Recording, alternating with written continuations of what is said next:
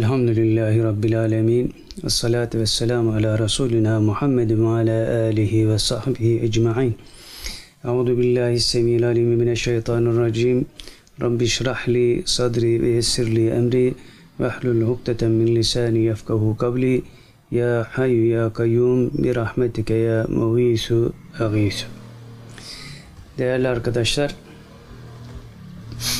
bugün yine mutat olduğu üzere dört ayrı dersi yapmış olacağız inşallah.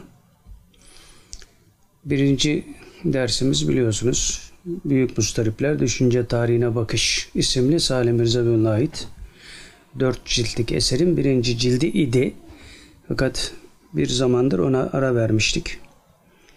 Kökler isimli eserinden bazı bölümler okuduk. Bugün de başka bir eserle yani Salim Mirza Beyoğlu'na ait başka bir eserle başlamak istiyoruz. Bu da Elif isimli eseri. Yani resim red kökündendir. Alt başlığı ile yayınlanmış Elif isimli eserinden bir bölüm okuyacağız. Daha doğrusu bir bölümün bazı yerlerine temas edeceğiz. Resimle alakalı bir mevzuat bu. E, fakat resim derken tabi e, bildik resimden harekette Allah'ın musavvir ismine nispet kurmaya çalışarak zaten bu eserde tümüyle onu anlatıyor. Her ne kadar batılılardan, batılı ressamlardan, düşünürlerden nakiller yapılmışsa da hep nispet noktası e, bizim açımızdan bellidir zaten. Dolayısıyla bugün de e, bu eserden bir bölümü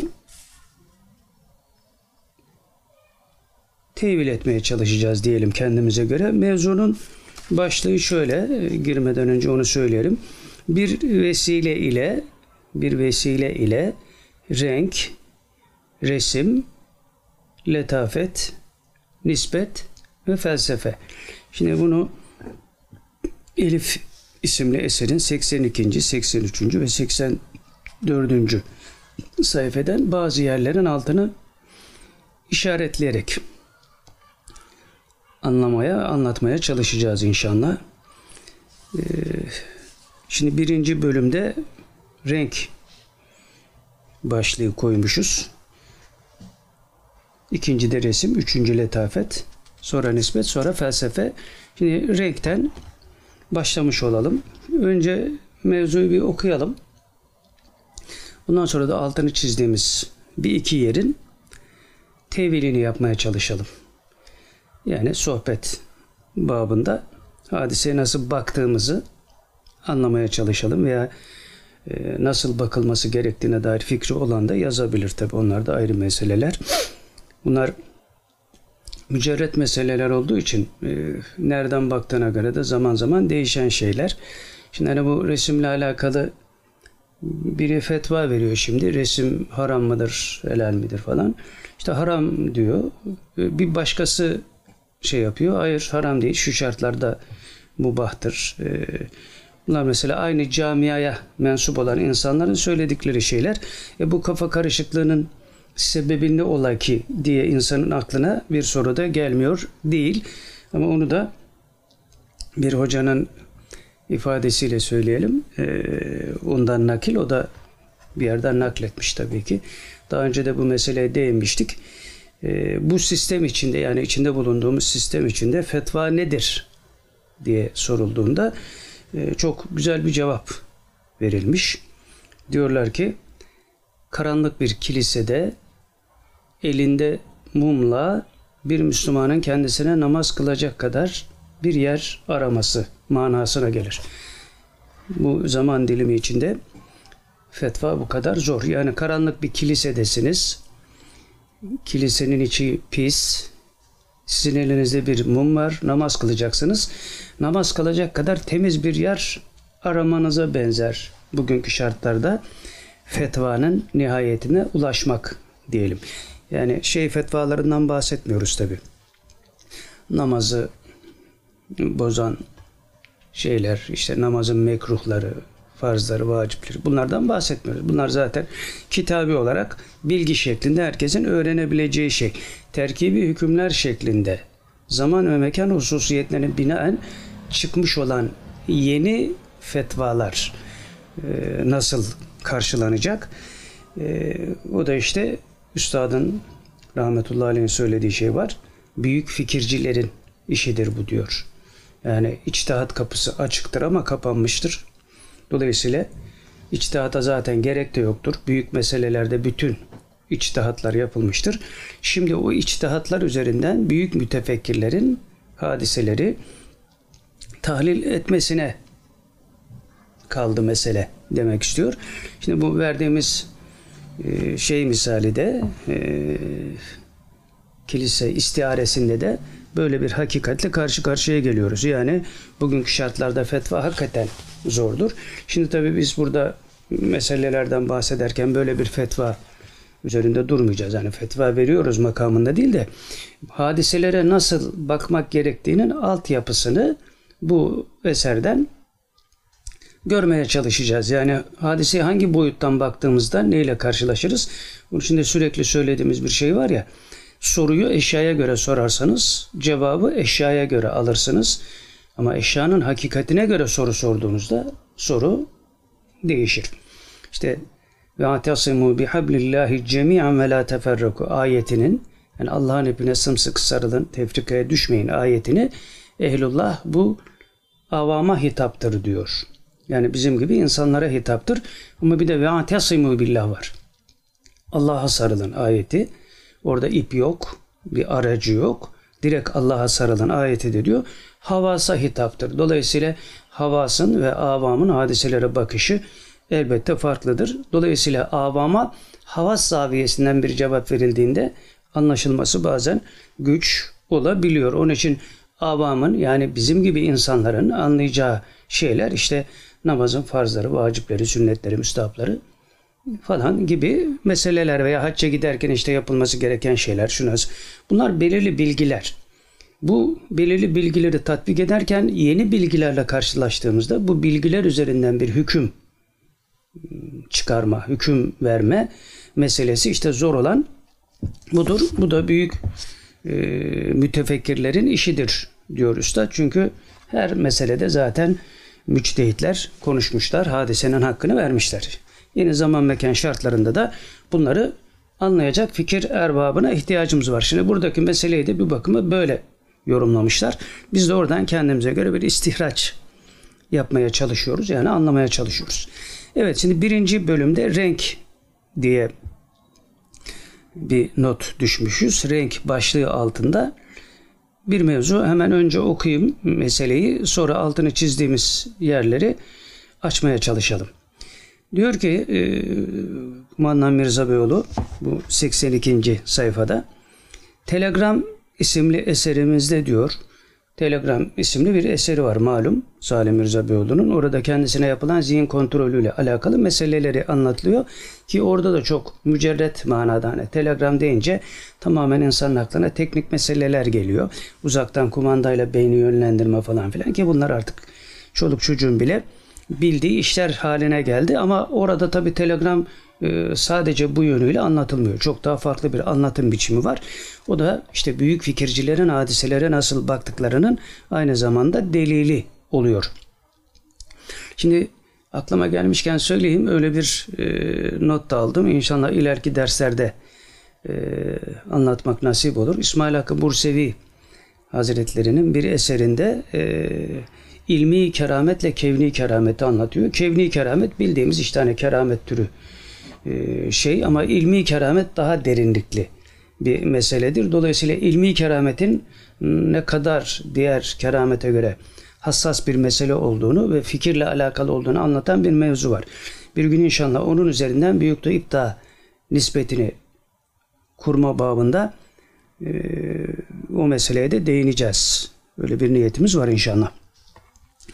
Evet, Telegram isimli eserimizde renk terapisi başlıklı 5. levhada renklerin insan üzerindeki tesiri anlatılmıştı. Yani o eserde renklerin insan üzerindeki tesiri anlatılmıştı ki psikolojik olarak zaten bunları eserlerde detaylı bir şekilde görüyoruz. İşte Van Gogh'un e, sarıya meftun olması e, o bir şey değil. Hani aman ben sarıyı seveyim, e, öbürü de kırmızıyı seveyim meselesi değil. O psikolojik bir e, şeyle alakalı, hareketlilikle alakalı bir mevzu. Dolayısıyla renklerin diyor insan üzerindeki tesiri vardı. Bunu anlatmıştık diyor. Ve devam ediyor. Her şeyin hakikatini, aslını ve esasını gösteren İslam letaiflerin nurunun rengini şöyle belirtiyor. Yani her şeyin aslı, esası, hakikati İslam'dadır. Dolayısıyla diyor renk meselesinin de tasarrufu İslam'ın elindedir. Çünkü her şeyi yaratan Allah Celle Celaluhu kitabıyla her şeyi bize bildirmiştir. Ayet-i kerimede hep hatırlatıyoruz. Ve la ratbin ve la yabisin illa fi kitabe bimin. Yaş ve kuru Kur'an-ı Kerim'de her şey var. Dolayısıyla renklerin hakikatinin bildirilmemesi de mümkün değildi. Mesele oradan bizim o hakikatleri bulup çıkarabilmemizde. Bunu yaparken küfrün kaynağını bilmeyen hakiki imanda olamaz sözü muvaciyesinde küfrün de elindeki bütün hikmetleri alıcı bir pozisyonda olmamız gerekiyor tabi. Çünkü onlar bizim miri malımızdır. Onlara istediğimiz gibi el atabiliriz tabi usulünce.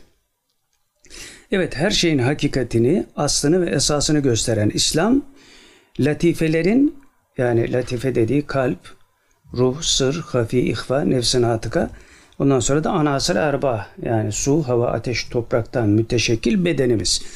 Bu latifelerin diyor tabi bunlardan sadece ahirete dönük olan latifeleri şey yapıyor. Anasır erbaya ayırarak onların renklerini veriyor. İslam diyor bunların yani İslam alimleri, ehlullah, evliyaullah bunların renklerini de tespit etmişlerdir. Şimdi burada derin bir felsefi mevzuyla karşı karşıya kalıyoruz aslında. Yani bu kalbin rengi nasıl tespit edilebilir ki? Ruhun rengi nasıl tespit edilebilir ki? İşte bütün mesele de orada. Tasavvuf dediğimiz şey zaten bu hakikatlerle alakalı derinliklerden bir takım hikmetlerin çıkarılması demektir. Yoksa burada böylesine okuyup geçiyoruz. Ondan sonra da bir tasavvuf ehlinin, bir e, sofinin yaptığı bir hata üzerinden tasavvufu değerlendirmeye kalkıyoruz. Hani o getir götür İsmail var ya şimdi kitaplar yazıyor falan filan. Gel bunları anla da görelim seni yani. He. Öyle ben e, e senin yaşın kadar Kur'an okundum falan filan demekle de olmuyor bu işler yani biraz derinlere dalmak lazım. Şimdi bu küçümsemeyi tabii kibir ve gurur vesilesi yaparak söylersek bu bize de zarar verir. Ama şöyle de bir şey var. Kendi nefsimize hesaba katmaksızın Şah Nakşibend Hazretleri'ne söylenen hani biraz kibir atfetmişler kendisine Şah Nakşibend Hazretleri'nin o demiş ki evladım bizdeki kibir değil kibriya Allah'ın azameti. Allah'ın azametini ortaya çıkarmak babında yapılan şeylerin kibirle alakası yoktur. Bu çizgide hareket etmek zorunluluğumuz var. Tabi hareket etmek zorunluluğumuz var dersin de edemezsin. O da ayrı bir olay. Orada da sahtekarlığın lüzumu yok derler adama. Büyükler enseler yani. Heh. Onun için dürüst olmamız lazım. Şimdi burada İslam latifelerin nurunun rengini şöyle belirtiyor. Bir, kalp kırmızıymış. Kalbin rengi kırmızı. Bu tabi zikirle akıl üstü yani unsur üstü manaya sıçradıktan sonra görülebilen bir hakikattir. Onlar da oralarda dolaştıkları için bu renkleri tespit etmişler. Biz de Estağfirullah Ela bi zikrillahi tatmainnul kulub. Ayeti celilesine binaen yani kalpler Allah'ı zikretmekle mutmain olur. Hikmeti üzerinden hadiselere muttali olabilsek biz de bu renkleri görme şansına ulaşabiliriz. Tabi tarikat tasavvuf bu renkleri görmek için değildir. O ayrı bir olay da. Ama görülebilir yani o şekilde görülebilir. Başka çaresi yoktur. Evet kalp diyor kırmızı, ruh sarı, sır beyaz, hafa yeşil, ahfa yani hafa gizli demek. Ahfa siyah buna şiddetle si- siyah, şiddetle beyaz diyen de vardır. Altıncısı da nefsi kül yani nefsi natıka dediğimiz konuşan nefs. Bunun da rengi mavi, e, buna turuncu diyenler de var. Şimdi kalbin yeri belli. E, sağ sol mememizin hemen altında kalp var.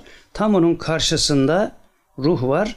Hemen kalbin üstünde yani sol göğsümüzün üst kısmında sır var. Onun rengi de beyaz. Tam karşısında hafa var. Gizli demek. Onun rengi yeşil.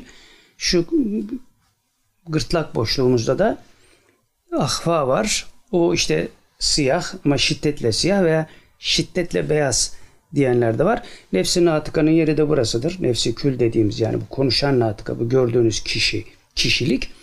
Onun da makamı burasıdır.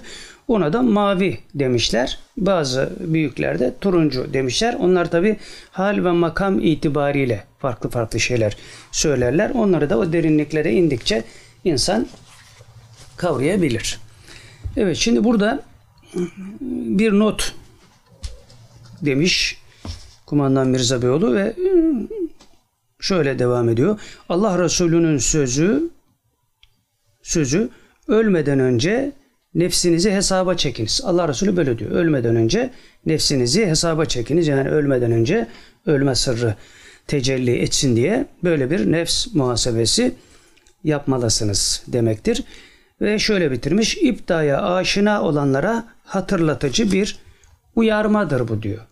İptaya yani büyük ipta fikriyatına aşina olanlara hatırlatıyoruz diyor Allah Resulü'nün bu sözünü. Ölmeden önce nefsinizi hesaba çekiniz. Şimdi burada altını çizdiğimiz şu kelimeyi tekrar nakledelim. Renklerin insan üzerindeki tesiri diyor. Rengin insan üzerinde nasıl bir tesiri olabilir? Bunu e, psikologlar da tabi deneme yanılma şeklinde ifade etmeye çalışıyorlar. Yani burada şöyle bir şey var. Zahirde görünen, birilen, bilinen rengin ruha tesiri vardır. Dolayısıyla şimdi mücerret bir hadiseyle karşı karşıya geliyoruz. Yani şurada masada şimdi sarı renk var. Bu sarı rengin bana yansıması nasıldır? Binbir zaviyeden bunu tahlil etmek mümkündür. Ama ne zaman mümkündür? Mücerret fikir istidadı geliştikçe yani şuur seviyesi değiştikçe gerçeklik seviyesi değişir. Her seviyede, şuurun her değişiminde, her seviyesinde sarı renkle benim aramdaki nispet farklılaşır.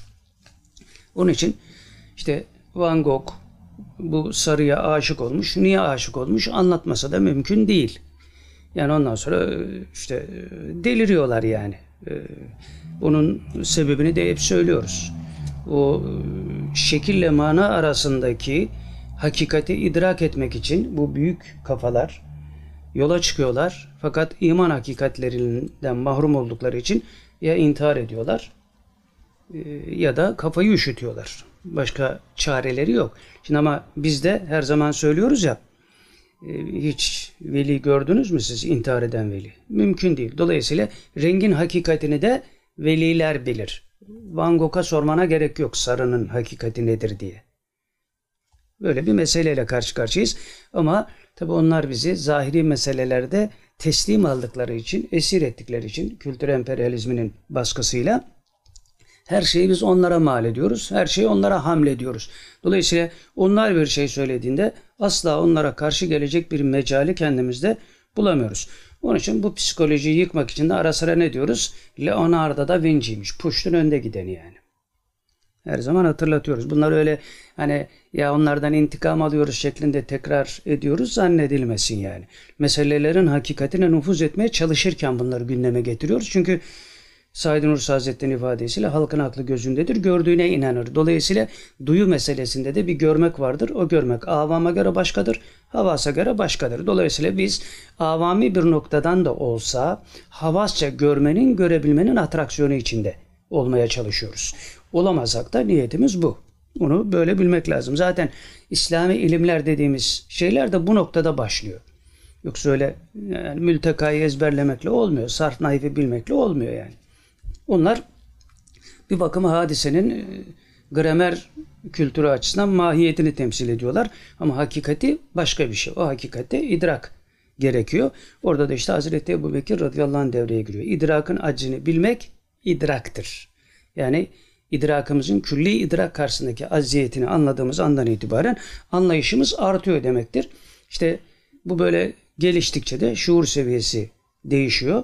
Şuur seviyesi her değiştiğinde de e, hakikat hakikatin görünme şekli de değişiyor.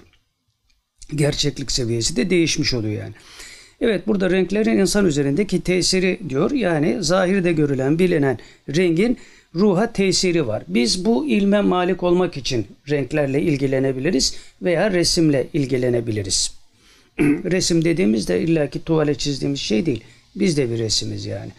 Musavvir olan Allah Celle Celaluhu bizi tasvir etmiştir. Bütün kainatı tasvir etmiştir. Resim deyince tabi diyorum avami bir bakışla e, kağıda, kartona çizilen şeyleri anlıyoruz. Evet. Ve cümleyi şöyle bitirmişti. Orayı da hatırlayalım. İptaya aşina olanlara hatırlatıcı bir uyarma diyor. İpta yeniyi bulma, açığa çıkarma. Yani zaman ve mekan şartlarına göre hadiselerin hakikat yönüne muttali olabilme veya nüfuz edebilme hadisesi demektir. Bu çaba içinde olanlara bir uyarmadır bu diyor. Yani burada e, kalbin kırmızı, ruhun sarı, sırrın beyaz falan bu renkleri diyor size hatırlatmamın sebebi diyor. Budur.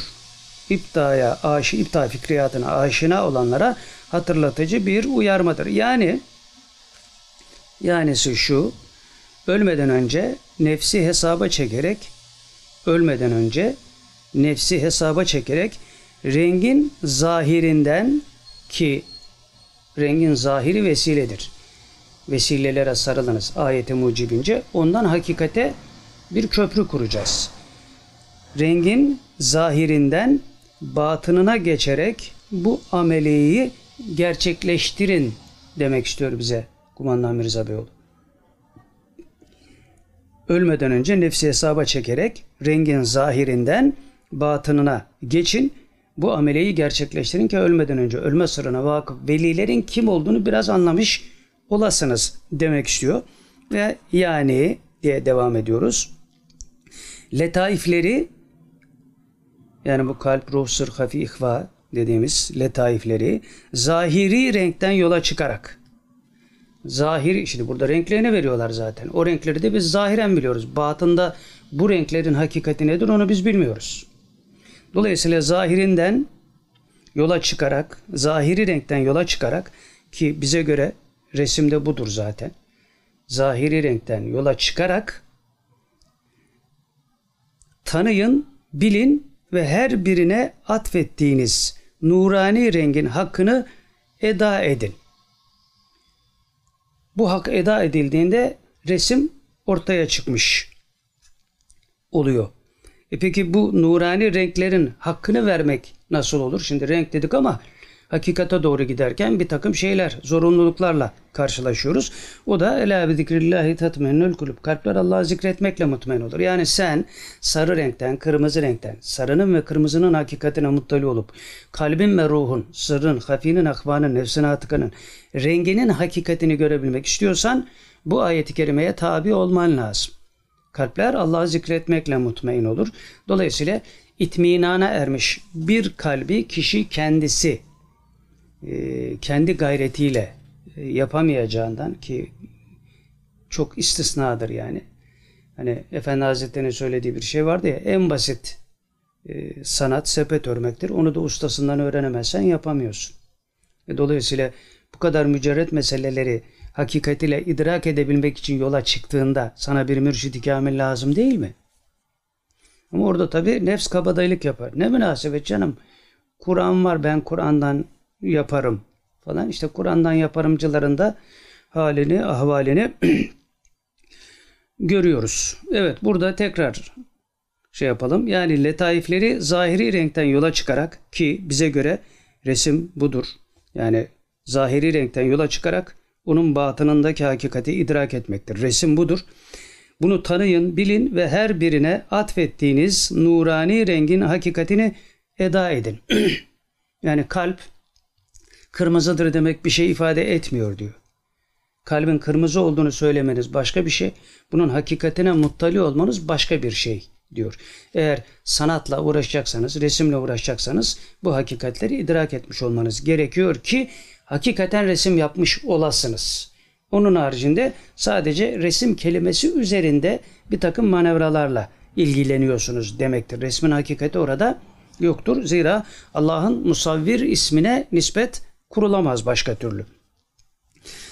Evet, burada ölmeden önce nefsinizi hesaba çekiniz demişti en son e, satırda bitirmeden önce. Bu nasıl mümkün? Ölmeden önce nefsinizi hesaba çekin. Nasıl yapacağız bunu? Şimdi burada şöyle bir şeyle karşılaşıyoruz. Büyük Tayyip Dağı'nın temel esprilerinden birisi, terkibi hükümlerinden biri de şudur. Anlayış temin eden teoriden daha pratik bir yol yoktur. Anlayış temin eden teoriden, düşünceden daha pratik bir yol yoktur. Yani doğru düşünce olmadan doğru düşünce faaliyeti olmaz. Önce doğru düşünce olacak, sonra doğru düşünce faaliyeti olacak. Bu mealde de anlayış temin eden teori doğru düşüncedir. Şimdi şöyle bir şey yaparsak, anlayış temin eden teoriden daha pratik bir yolu yoktur. Bunun, bu cümlenin ikinci kısmına takılanlar, yani ikiye bölelim. Anlayış temin eden kısmını kaldıralım. Teoriden daha pratik bir yol yoktur. Ama anlayış temin eden teori değil. Çünkü yanlışında doğrulanabilir tarafları vardır. Dolayısıyla felsefe batıldır veya felsefeye benzeyen akımlar vardır. Hepsi birbirini yalanlıyor. Hepsi doğru olmayacağına göre bunlar yalandır. Dolayısıyla ikinci kısmına takı teoriden daha pratik bir yol yoktur diyen bu yanlışa düşeceğinden felsefe bataklığına batar. Yani bu ikinci kısmı alıp birinci kısmından ayıran bu felsefenin bataklığına düşmüş olur, batmış olur ve ölmeden önce ölme sırrı istikametine evrilemez. Demek ki biz burada ne yapmamız gerekiyor? İptanın bu terkibi hükümden anlayış temin eden teoriden daha pratik dememiz lazım. Anlayış temin eden teoriden daha pratik bir yol yoktur. İşte bu anlayış bizi bu renklerle, bu renklerin hakikatleriyle muhatap ediyor. Eğer ikinci kısmı alırsak teoriden daha pratik bir yol yoktur dersek kuru bilgiyle teoriyi gittikçe artırırız. Artırdıkça da cehaletimizi artırmış oluruz. Çünkü renklerin veya eşyanın hakikatine doğru giden yolu kendimiz kapatmış oluyoruz. Burada anlayış temin eden bir teoriye ihtiyacımız olduğu görülüyor. Dolayısıyla onun da hakikati neyse, mahiyeti neyse onlara muttali olarak yola çıkmamız lazım. Eğer böyle çıkarsak ölmeden önce ölme sırrı istikametine evrilebiliriz. Yani resim yapmakla, renklerin isimlerini bilmekle ölmeden önce ölme sırrına ve ölmeden önce nefs muhasebesine, murakabesine yönelmemiz mümkün değil. Yönelsek de başarılı olmamız mümkün değil. Ta ki bu birinci kısmı anlayış temin eden teori olarak hadiselere el attığımızda meselenin istikameti değişiyor. Evet anlayış temin eden teori ise anlayış temin eden teori ise bir şeyin mahiyetinden hakikatine geçmekle mümkün. Teoriden daha pratik bir yol yoktur. Bu doğru ama eksik. Bize göre anlayış temin eden teoriden daha pratik bir yol yoktur.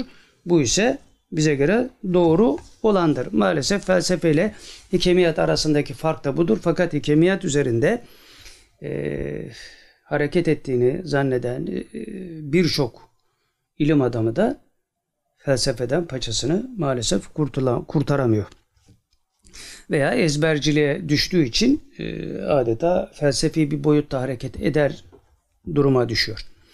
Evet, renkle alakalı bu mevzuyu bitirdikten sonra resim isimli, tabii hepsi resimle alakalı ama e, hepsine bir başlık koyduk mesela anlaşılsın diye. Resim diye bir başlığımız var. Burada e, Kumandan Mirza Beyoğlu şöyle bir şey diyor. Hani diyor Picasso diyordu ya diyor. Ne diyordu? Bir sanatkarın şahsiyeti bir sanatkarın şahsiyeti eserinden daha önemlidir. Bir sanatkarın şahsiyeti yaptığı resimden daha önemlidir. Onun için Picasso'nun yine başka bir sözü daha var. E, resmi tanımaya çalışan e, seyirci diyor yanlış ata oynuyor. Resim önemli değil ki diyor. Resmi yapan adam önemli. Yani ben hangi ızdırap muvacehesinde o resme el attım bunu anlamaya bakın. Siz öyle yapmıyorsunuz da diyor aman renkler ne kadar güzel, ne kadar uyumlu, ne kadar bilmem ne. İşte şu asra göre bu resmin kullanılması şu manaya gir. Tamam evet felsefi bir derinliğe girmekte bir mahsur yok ama o ressam hangi sıkıntılar, hangi çileler muvacehesinde ona yönelmiştir veya yönelişindeki hakikat nedir? Bunu anlamaya çalışın diyor. Dünyanın en büyük ressamlarından biri söylüyor bunu. Bir sanatkarın şahsiyeti eserinden daha önemlidir.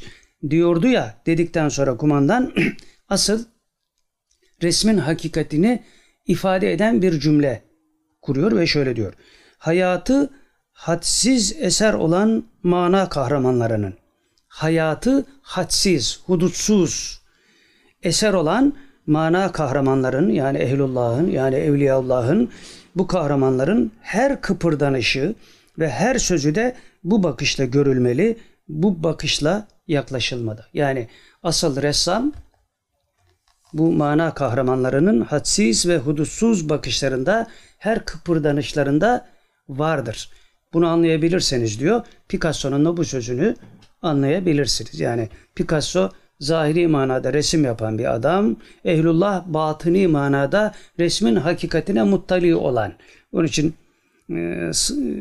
batılı bir sanatkarın bu hakikatler muvaciyesinde Ehlullah'ın diz kapak adalarına bile gelmesi mümkün değil yani.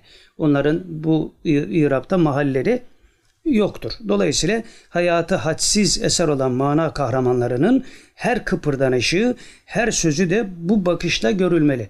Bu nereden kaynaklanıyor? Efendimiz Aleyhisselatü Vesselam'ın sünnetinden. Onun için Efendimizin göz kırpması da fiili bir sünnetidir. Eğer göz kırpmasını taklit edebilecek bir maharetimiz varsa etmemiz lazım. Burada anlatılmak istenen bu. Zaten bunu zahiri manada Picasso da aynı şeyi söylüyor. Batıni manada ehlullahın halinin de bu olduğunu kumandan söylüyor. Bütün ehlullah da bu istikamette zaten hikmetler söylemişlerdir. Dolayısıyla resim dediğimiz şey tuvale, fırçayla çizilen şey değildir. Onunla birlikte resmin hakikatine, rengin hakikatine muttali olmak için mücerret bir yolculuğa çıkmaktır. O yolculuğun temelinde de Ela bi zikrillahi tetmainnul kulub ayeti vardır. Yani kalpler Allah'ı zikretmekle mutmain olur. Dolayısıyla Picasso da diyor ki ben itminan e, sahibi olmayan bir kalbe malikim. Dolayısıyla benim yaptığım resimler çok önemli değil. Benim ızdırabımı anlayın. O ızdırabın sebebine hakikate ulaşamadığı için kalbinde doğan boşluk. O boşluğu doldurmak için o resim yapmak mükellefiyeti altında. Ha bir de o yapıyor ben de yapayım diyenler var. Taklidin taklidi. Ondan zaten bir şey çıkmaz. Onu yapana kadar git kumda oyna aynı şeydir yani. Değişen bir şey yok. Ama arayış içinde arayış içinde bir niyetle bunlar yapılıyorsa tabii ki kıymet harbiyesi vardır. evet şimdi geldik letafet bölümüne. Burada da çok ilginç bir cümle kullanılmış. Letafetin ne manaya gelir? Resme nispetle letafetin ne olduğunu anlatan bir hakikatle karşı karşıya kalıyoruz. Ve şöyle demiş, zaman keyfiyetlerin ressamı. Zaman keyfiyetlerin ressamı, kemiyetlerin değil, şekillerin değil. Mananın ressamı zamandır diyor. Zaman keyfiyetlerin ressamı, mekan da resim sergisi. Hadi buyurun.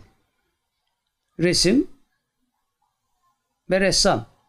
Zaman keyfiyetlerin ressamı, mekanda resim sergisi. Bu sergide dolaşabilmek için zamanın keyfiyetlerin ressamı olduğunu anlamak zorunluluğu vardır. Bu anlaşılmadan yani zamanın keyfiyetlerin ressamı olduğu anlaşılmadan mekandaki resim sergisini gezmek mümkün değil. Demek ki hakiki ressam zamandır. Onun için bütün büyük kafalar doğuda ve batıda zamanla ciddi manada ilgilenmişlerdir. Zaman ve ölümle. Bu hakikatin üzerine gitmeyen ilim erbabının mücerret fikir istidadı asla gelişmez. Evet. Şimdi gelelim nispete. Bu nispet meselesinde de güzel bir misal var. Burada diyor ki Kur'an Kur, e, nura nispetle ışık nurun sisi gibidir. Yani bir nur var, bir de ışık var. Nuru tarif edemiyoruz. Yani baktığınızda işte ne kadar nurlu yüzü vardı diyorsunuz ama onu tarif etmeniz mümkün değil. Gördüğünüz bir şeyi hissen idrak ederek anlatmaya çalışıyorsunuz. Ama ışığı görüyoruz nihayetinde lambanın içinde, bir fanusun içinde.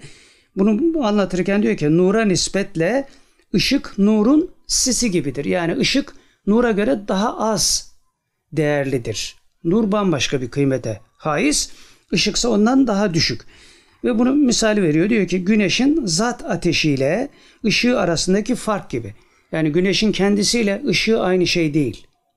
Eğer o zatı olmasaydı güneşin ışığı da olmayacaktı. Dolayısıyla ışık güneşe tabidir. Güneşin hakikatinden neşet etmiştir. Aynen nura nispetle ışık ışığın sis olması gibi güneşin hakikatine göre de güneşin ışığı yine sis gibidir. Çünkü güneşin kaynağında o aydınlık çok daha farklıdır. Evet bunu anlattıktan sonra diyor ki ziya yani ışık ile eşya görülür. Işık ile eşyayı görürüz diyor ama nurla eşyayı göremezsiniz. Işık olması lazım. Halbuki değerli olan nur, niçin nurla göremiyoruz da ışıkla görüyoruz? İşte onu anlatıyor. Diyor ki ışık ile eşya görülür. Bir bakıma nurdan daha sağlam olması bir bakıma diyor yani nurdan daha fazla işimize yarıyor olması ışığın nurdan daha düşük. Ama bizim işimize nurdan daha çok yarıyor diyor zahiri planda. Bundan daha sağlam olması diyor. Tıpkı Kur'an'a nispetle hadislerin hadislere nispetle evliya kelamının zahir olmak bakımından bizim için daha sağlam olması cinsindendir. Yani nur kıymetlidir. Fakat bizim ışığa ihtiyacımız var. Işık üzerinden nura yönelebiliriz. Ondan sonra nur bizim için bir şey ifade eder. Mesela biz nuru bulmak için uğraşmadık. İnsanlık nuru bulmak için uğraşmadı. Işığı bulmak için uğraştı. Buldu. Ama ışık nurdan daha kıymetli değil. Şimdi aynen bunun gibi Kur'an ve sünnet nurdur. Evliya kelamı ışıktır. Bize pratikte en çok lüzumlu olan nedir? Işıktır. Dolayısıyla bize Kur'an ve sünnetten önce evliya kelamı ışık olması babından daha kıymetlidir. Neden? Çünkü seni nura götürecek olan odur. Yani Kur'an'a ve sünnete götürecek olan odur. Bu silsileyi alt üst ettiğiniz andan itibaren Kur'an İslamcısıyım diyerek haşa Kur'an'ı tepelemekten başka bir şey yapmış olmazsınız. Allah muhafaza böylelerinin şerrinden de Mevla bizi muhafaza etsin inşallah. Yani şeylerin işte Selefi, Vahabilerin anlamadığı da buralar ondan sonra işte tevhid, tevhid deyip duruyorlar. E, tevhidin hakikatini buralardan çıkaracaksın. Ehlullah kelamından çıkaracaksın yani. Başka da çaren yok. evet son bölüm olarak anlatalım. Felsefe bölümü. Suretin yok olduğu suret sırrına doğru. Şimdi çok ilginç bir cümle bu da. Suretin yok olduğu suret. Öyle bir suret ki, öyle bir şekil ki şeklin ve suretin yok olduğu bir suret. Hem var hem yok. Suretin yok olduğu suret sırrına doğru zaman üstü mesafeler aşanların yani bu sırra doğru gidenler zaman üstü mesafeleri aşanlardır. Zaman üstü mesafeleri aştıkça suretin yok olduğu suretlerle karşılaşırsın. İşte bu minvalde bir hadis-i şerif var mesela. Ben diyor Allah'ı kırmızı hulle içinde gördüm. Mevlana Celaleddin Rum Hazretleri de bunu anlatırken işte kırmızı hullenin içinde nurdan bir şeyler vardır falan filan diye tevil ediyor. Dolayısıyla burada şimdi Allah'a haşa suret şey yapmak, e, kondurmak mümkün mü? Küfre girer insan. Fakat suretin yok olduğu suret mealinde kırmızı hullenin içinde Allah'ı gördüm diyor. Bunlar unsur üstü manaya denk gelen hadiseler. Kuru akılla baktığında e, Vahabi gibi hemen tamam küfre girdin otur yerine. Dünyada Müslüman kalmaz yani. Sen istediğin kadar çile çek. Fikirde çile çekiyorsun. O onun umurunda değil. Bir kalemde mührü basıp geçiyor adam. Suretin yok olduğu suret dediğinde de suratına bakar ne diyor bu diye. Ha, bakmayacaksın işte. Bu sırra doğru zaman üstü mesafeler aşarsan yönelmiş olursun. Evet. Zaman üstü mesafeler aşanların resim sanatına verecekleri tek şey Yani bu büyük insanların resim sanatına verecekleri tek şey onlar tarafından serdedilen hikmetlerden çekilecek iplikler halinde mevzunun ilham ve intibaı resmin gaye ve idealinin yerine oturtulmasıdır. Yani demek istiyor ki suretin yok olduğu suret sırrına doğru zaman üstü mesafe aşanlar var ya diyor. Onlardan elde ettiğimiz intibalarla hakikati yerli yerine oturtabiliriz.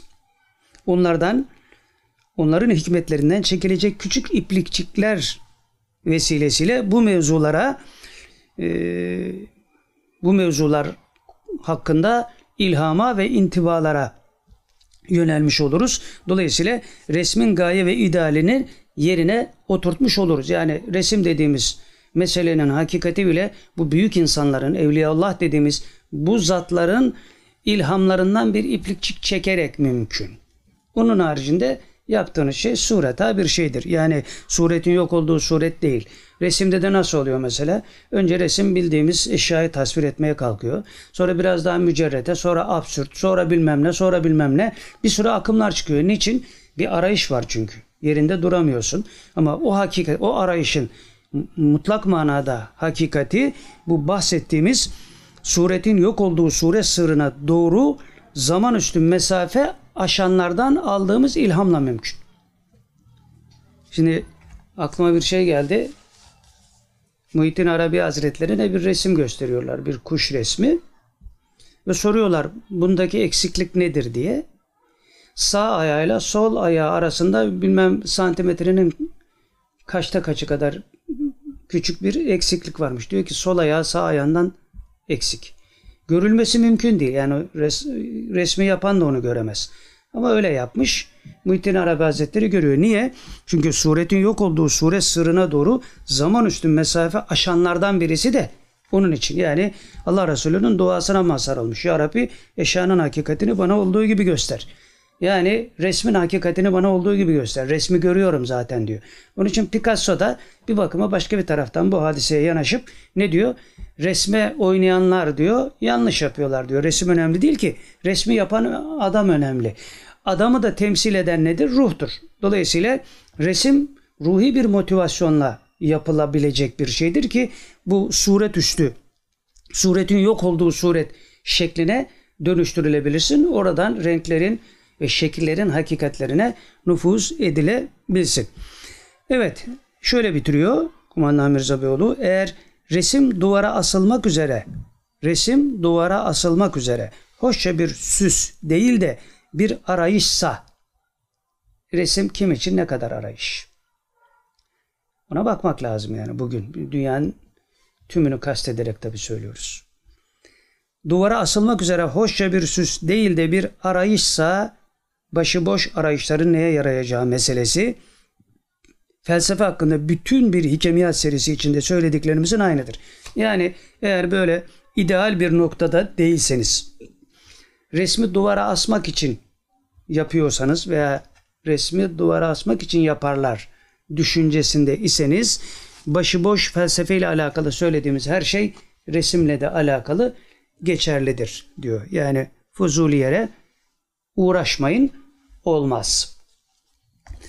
Evet resimle alakalı tabi bir kenarından kıyısından dokunduk meselelere. Bunları geliştirmek lazım. Yani Elif kitabında kumandan bunları teferruatıyla anlatıyor zaten.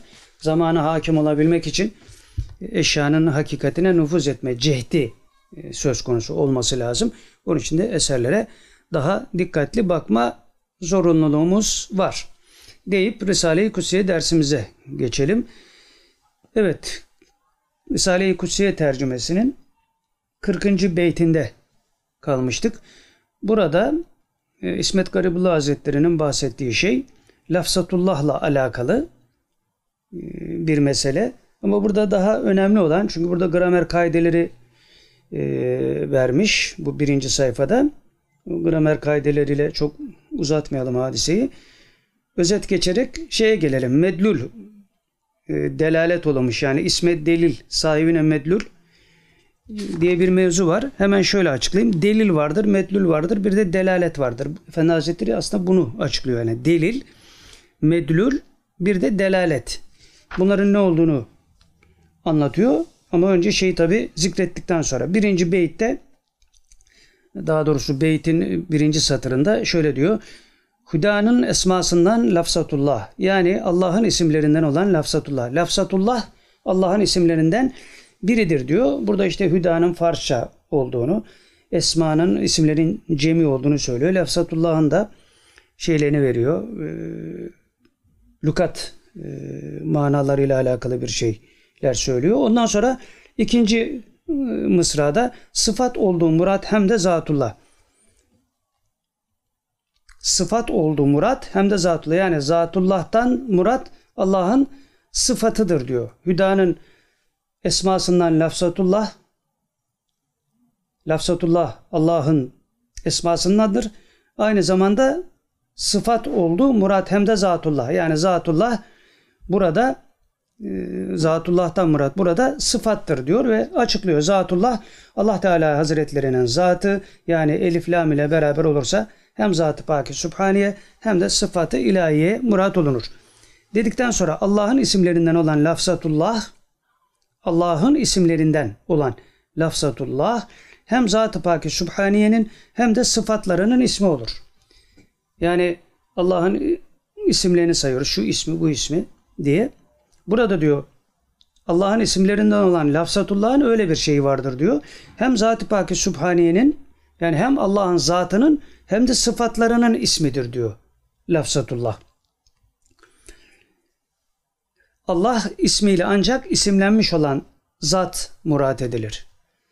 Yani Allah ismi Allah'ın zatını temsil eder. İsimlerini, sıfatlarını değil. Ondan sonraki beyitte bu isme olduğu için medlul zatullah.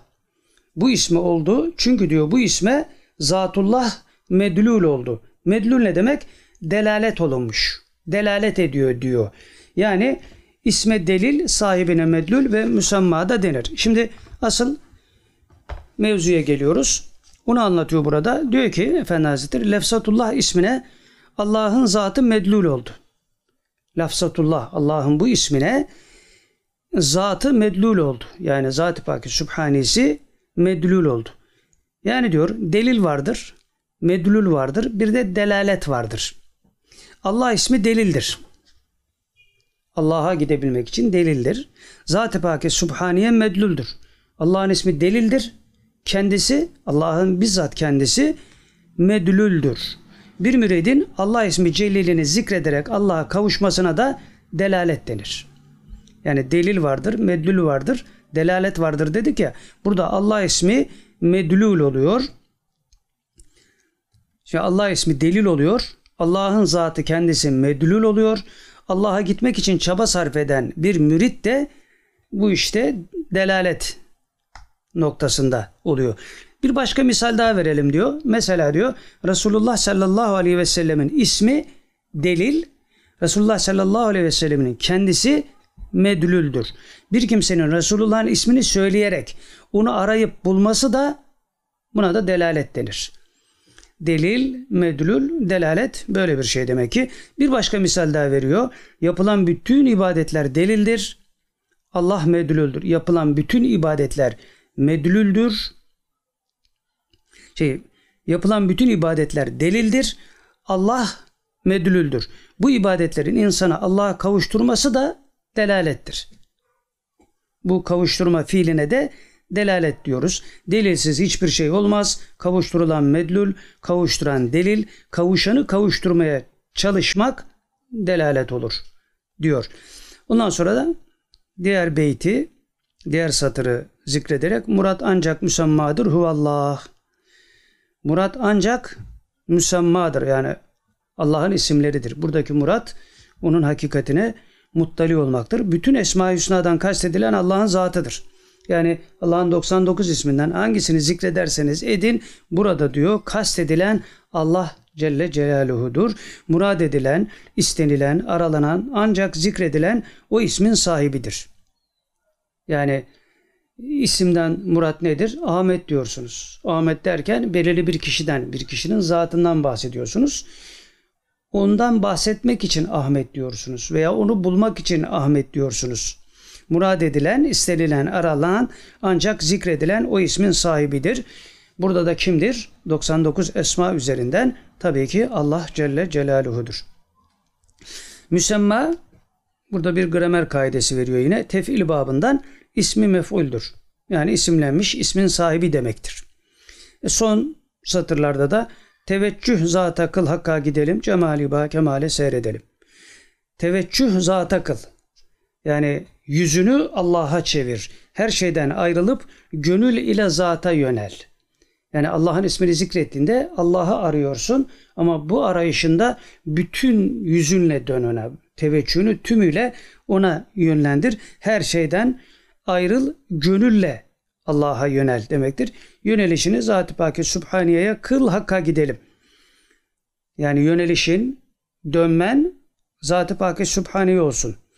İsmi üzerinden tabi isimleriyle muradın zatın kendisi olsun. Öyle hakka gidelim diyor. Allah deyip kime yönelilebilirsin ki başka? Kime yönelmeli? Tabii ki diyor Zat-ı Paki Sübhaniye'ye. Ondan başka da çaren yoktur diyor. İsimden zata yönelmektir hakikat. Gerisi teferruattan ibarettir veya şekilden ibarettir. Resimde söylediğimiz gibi tuvaldeki resim resim değildir. Yani resmin hakikati değildir. Renk, gördüğümüz rengin ismini zikrettiğimiz zaman bir şey ifade etmiyor. Hatta kendisini gördüğümüz zaman da rengin bir şey ifade etmiyor.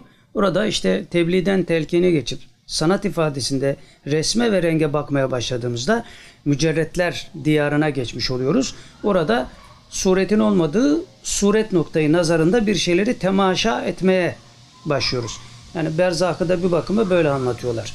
Berzak çünkü ahiret değil, dünyada değil. İkisinin arasında bir yer. Burada his ve hayalle hareket vardır. Dolayısıyla orada hakikatle farklı bir boyutta karşılaşmış oluyor insanlar. Evet. Şimdi aktüel meselelerle alakalı bölüme geldik. Burası e, şey değil. iki tane maddemiz var. E, ikincisi zaten Yasin Kendirci ile alakalı biliyorsunuz. E, onun gönderdiği bir şey var. Pi ve E sayısı üzerinden bir mesele var. Onu anlatacağız. Ondan önce bir hatırlatma yapalım. Çok da hoşumuza gittiği için birinci bölüme şöyle bir başlık koymuşuz. Kral hareket. Tokat'ın böylesi. Hakikaten hareket kraldı yani. Yani hepiniz görmüşsünüzdür de muhtemelen. Çokça çünkü internette dolaştı bu. Herkesin de hoşuna gitti. Özellikle Müslümanların çok hoşuna gitti. Ee, onun için o videoyu göstermeye de gerek yok. Ee, mesele şu. Ee, Portekizli sporcu, futbolcu Ronaldo'nun Coca-Cola hamlesi.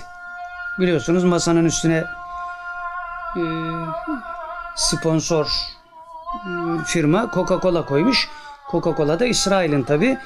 Bu şeyde Ronaldo da e, işte Filistinlilere de yardım eden birisi yani. Eli açıkta birisi. Yani zulmede rıza göstermeyen bir yapısı var. Allah iman nasip etsin inşallah o kolaları oradan kaldırıyor. Basın toplantısında koyuyor. Su için diyor su. Bırakın bunları diyor. Su için. Şimdi tabi kolanın içinde neler neler var onlar artık ayyuka çıkmış vaziyette ama gene insanlar içmeye devam ediyorlar. Bir yandan da İsrail'e de küfretmeye de devam ediyorlar. O da garip tabi.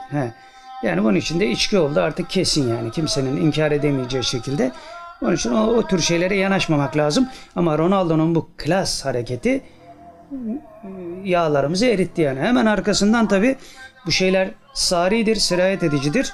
Başka bir şey oldu. Yine Fransız bir zenci futbolcu sonradan Müslüman olmuş. O da e, sponsor firmanın e, şeyini kaldırdı masasından. E, birasını. Benim inancıma göre dedi bu haramdır. Tak o da aldı koydu. Tabi bu şeyden sonra Ronaldo'nun bu hareketinden sonra Coca-Cola'nın hisseleri 1.6 derecede düşmüş. Yani 4 milyar dolar bir anda buharlaşmış. Bak bir adam İsrail'i bir anda 4 milyar zarara sokabiliyor. Onun için herkes kendi alanında bir Ronaldo olmak zorunda. Futbolcu olun demiyoruz tabi. Boş işlerle uğraşmanın da alemi yok. Ama bir yere gelmiş bir insanın da bu, bu klas hareketini görmemek de mümkün değil yani. Onlar da ayrı şeyler. Evet. E, acayip bir çalım attı yani Ronaldo. Onun için Ronaldo'yu tebrik ediyoruz. Şimdi gelelim ikinci bölüme. Yasin Kendirci'nin gönderdiği dosyadan bir bölüm okuyalım. Burada dediğim gibi çok ilginç şeylerden bahsetmiş yine Yasin Kendirci.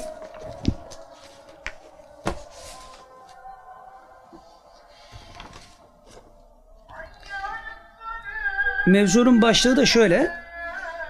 Pi'de yani pi sayısında tekrarlayan sabit 428 571. Şimdi Kendirci'nin bir iddiası var. Pi sayısında e, tekrarlayan rakam yoktur deniliyormuş.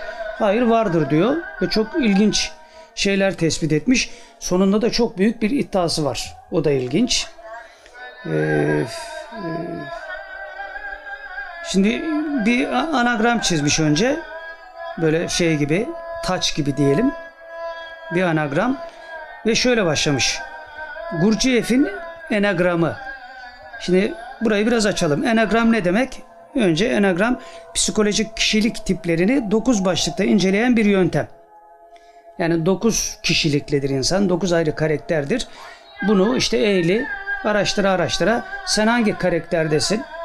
Onu buluyor yani birinci karakter mi ikinci üçüncü mü dokuza kadar karakterler var. Sen diyor sekizinci karaktere uygunsun. Ona göre de hayat biçimini renklendiriyor falan filan yani. Tabi çoğu palavra o da ayrı bir olay. Şimdi oraya da geleceğiz de. Çünkü Gurjev sakat bir adam. Onu da bir vesileyle öğrenmiştik. Bir arkadaş bize bir kitap tavsiye etti. O kitabı tavsiye etmeden önce de Gurjev ile alakalı bir mevzu söz konusu olmuştu birisiyle aramızda. O kitap gelince mesele de çözülmüş oldu. Şimdi internetlerde var böyle şeyler tabi. Gurjev enagramına göre e, karakter tahlili yapıyorlar. İşte sen hangi karakterdensin falan. Hepsi fasafiso tabi. Çünkü Gurjev'in kendisi fasafiso. Bu adam Gurjev Osmanlı döneminde Osmanlı topraklarında yaşamış bir Ermeni vatandaş. Fakat garip bir tip. Böyle bir takım herhalde medyumiyetleri de olan zannediyorum bir tip. Bu bütün şeyleri gezmiş. Doğudaki bütün tasavvuf ehlini, cemaatleri, kişileri hepsini dolaşmış. Onlardan elde ettiği bilgilerle bir şey kurmuş, bir sistem kurmuş. İşte bu enagram dediğimiz şeyde ona ait bir şablon. Bunun üzerinden karakter tahlilleri falan filan. Fakat sonra görüyoruz ki bunun yanında bununla beraber hayatı bununla geçmiş baş yardımcısı, birinci yardımcısı bir kitap yazıyor. Yani o kitap elimize geçtikten sonra meselenin hakikati tabi anlaşıldı. Yani kitabı ikiye bölmüşler. Bir onun müritlerinden biri yazmış. Bir de yani onu görmeyen bir müridi yazmış. Bir de onun yanında bulunan bil fiil bütün her şeyine şahit olan birisi yazmış. Dolayısıyla tek cümleyle geçelim. Onların pisliklerinden bahsedecek halimiz yok. Yatmadığı kadın müridi kalmamış adam. Yatıp kalkmadığı kadın müridi yok. Hepsinin hepsine tecavüz etmiş yani bu bakıma. Tabi bunları işte bu enagramlara falan filan uydurarak tabi yapıyor adam. He, arada hakikat payı yok mu? Tabi İncil'de, Tevrat'ta, Zebur'da yok mu? Onun için hepsini inkar edemiyoruz. Ama tarif edilmiştir. Neresinin tarif edildiğini bilemez. Bunlar da öyle. Tasavvuftan aldığı şeyleri, doğudan aldığı şeyleri batı şeyine, düşüncesine, psikolojisine tatbik etmeye kalkarken bir takım kaideler koymuş ortaya. Şimdi bunlarla muhatap olanlar, bunlarla karşı karşıya gelenler hadisenin iç yüzünü bilmedikleri için bir de nefes alma kabiliyeti kalmadı insanoğlunun. Hücum ediyorlar. Ondan sonra işte e, toplu müzik şeyleri, toplu ayin şeyleri falan filan. Tabii Türkiye'de o, o aşırılıklar yoktur. Ayrı bir olay da. Ama işin temelinde var olan şey bunlardır yani. Fuhuş albümü bir şeyden bahsediyoruz. Ee, topluluktan bahsediyoruz yani. İsteyenler o kitaba Gurciyev'in hayatını anlatan, şimdi kitabın adını da unuttum. İki kişi yazmış ama yani iki ayrı kişi. Onu bulup okuyabilirler. Yani bu girizgahtan sonra biz onun doğrularıyla alakalı bir bölümle muhatap oluyoruz şu anda. Ee, şimdi burada Yasin Kendirci bu anagram şeyini çizmiş. Bir taç gibi yani kraliçe tacı gibi. Bunlar da birden 9'a kadar hani 9 karakter diyoruz ya kişilik tipleri 9'muş. Bunları 9'a bölmüş. Bundan sonra bunlara da musiki ile alakalı bir şey eklemiş. Daha önce de diyor seslerin de bu nizam üzerine olduğunu söylemiştim diyor. Yani aynı sistem üzerine diyor. E, sesler de devreye giriyor diyor ve şey yapmış. Birinciye mesela 1, 2, 3, 4, 5, 9'a kadar geliyor ya. Orada 1'e re, 2 mi, 3'ü atlamış o yok. 4 fa, 5.si sol, 7.si la, 8. si do. Yani do, re, mi, fa, sol, la, si müzikteki notalarla alakalı şeyleri yazmış. Ve diyor ki daha önce seslerin de bu nizam üzere olduğunu söylemiştim diyor. Ve devam ediyor. Pi sayısı, pi sayısı mekansal alanın bütününü ifade eder. Yani bir dairenin tamamını. Şimdi pi sayısı nasıl bir şeydi? Dairenin çapının dairenin çevresinin e, yarı çapıyla bölünmesinden çıkan sayıya pi sayısı deniliyor. Fakat burada çok ilginç bir şey var. Bu daire bir para kadar da olabilir. Dünya çapında da olabilir. İkisinin de sonucu aynı çıkıyor. Halbuki bir dairenin çevresiyle kainat çapında bir dairenin çevresi aynı olabilir mi? İşte böyle bir gariplik var. Öyle diyorlar. Yani bu işten anlayanlar e, dairenin çevresinin yarı çapıyla bölünmesinden çıkan sayıya pi sayısı diyorlar. E, bu da orada onu zikretmeye çalışıyor. Pi sayısı mekansal alanın bütününü ifade eder. Pi sayısı mekana taalluk ediyor diyor yani. Bütününü ifade eder. Yani bir dairenin tamamını ifade eder pi sayısı. Hani pi sayısında diyor, burada bir iddiada bulunuyor Yasin Kendirci. Hani pi sayısında diyor kendini tekrar eden sabit yok diyorlar ya diyor. O yanlıştır. Sabit bir sayı yoktur diyor pi sayısında. Bu yanlıştır diyor. Vardır diyor. O da nedir? 428 571. Bu sayı birçok yerde diyor kendini tekrar eder. Yani bir bakıma Yasin Kendirci belki de bunu ilk defa tespit ediyor. Zaten aşağıdaki daha büyük iddiasından bunları da anlayabiliyoruz aslında. Bir şeyleri çözmüş yani. Ve devam ediyor. Bu 428 571 rakamı diyor aynı zamanda Bismillah'tır. Bismillah'tır yani. Bunu da buldum diyor. Ondan sonra da B, Sin, Mim, Lam, Lam, He. Bunları koyduktan sonra diyor ki harekelerin yönünü kullanılan rakamlar belirler. Yani bes, Bismillah diyoruz ya. Bismillah'taki B'nin esre olmasını temin eden bir rakam vardır diyor. Yani B diyebilirsin, Bü diyebilirsin, B diyebilirsin. Esre, ötre falan. Bunları diyor tespit eden rakamlar vardır. Onları da ayrıyeten koymuş.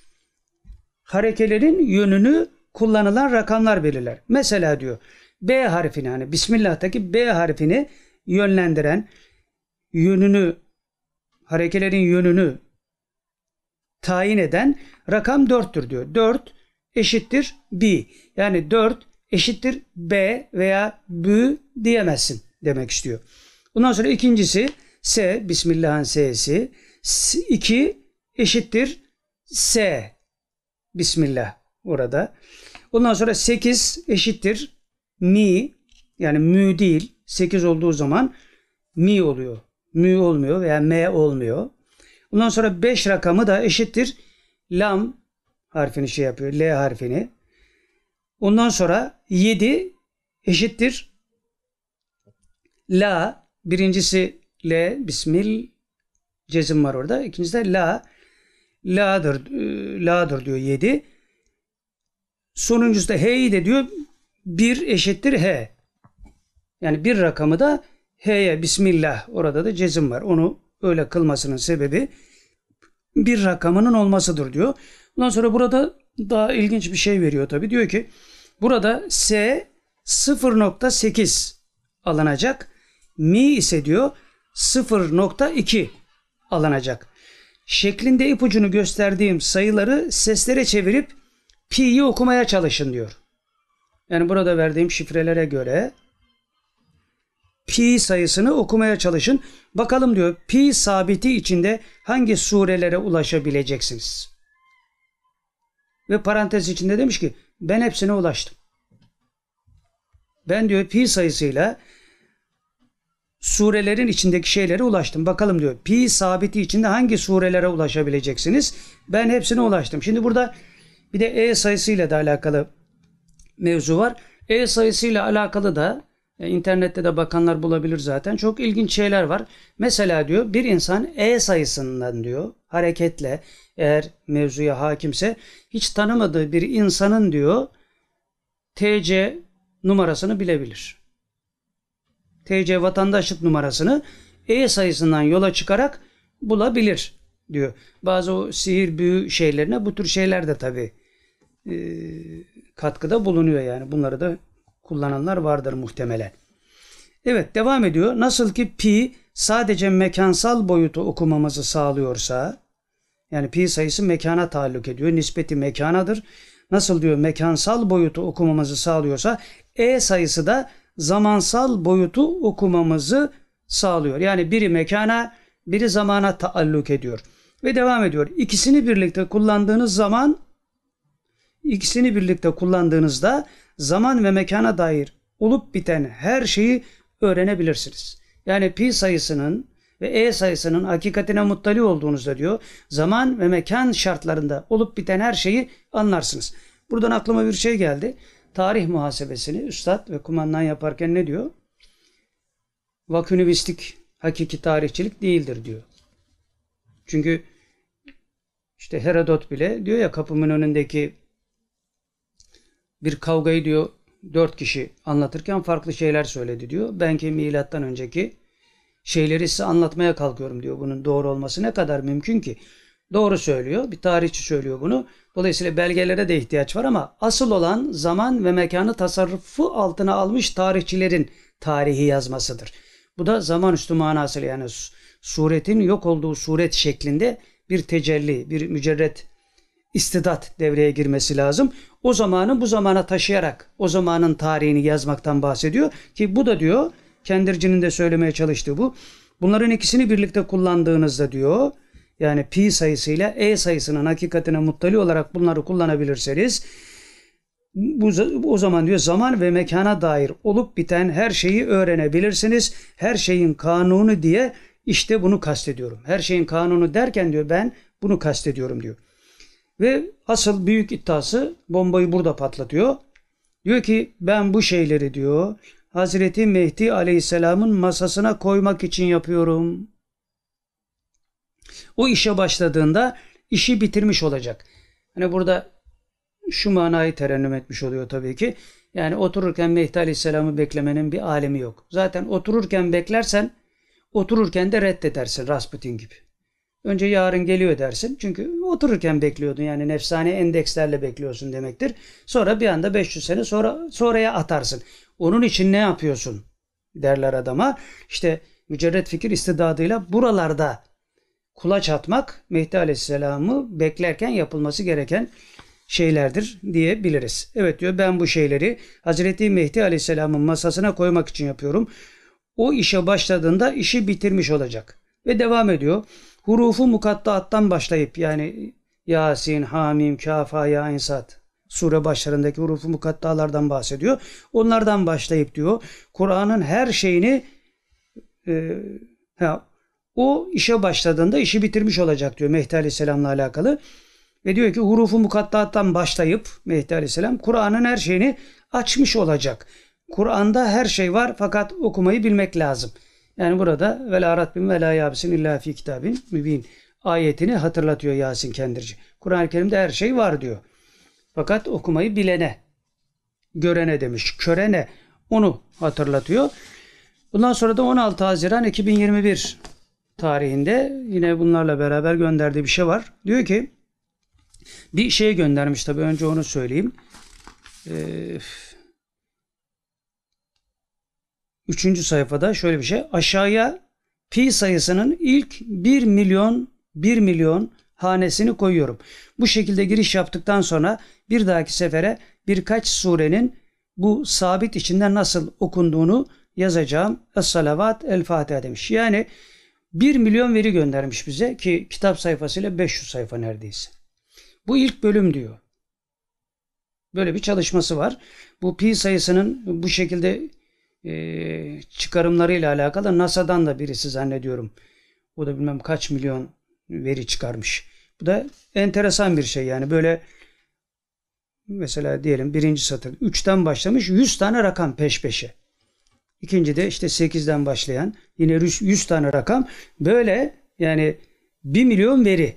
1 milyon satır diyelim yani. İlk şeylerini gönderdim diyor. Bundan sonra da devam edeceğiz diyor. Şimdi buna nispetle de şöyle bir şey demiş. Bu gönderdiğim sayılar bu pdf'te diyor.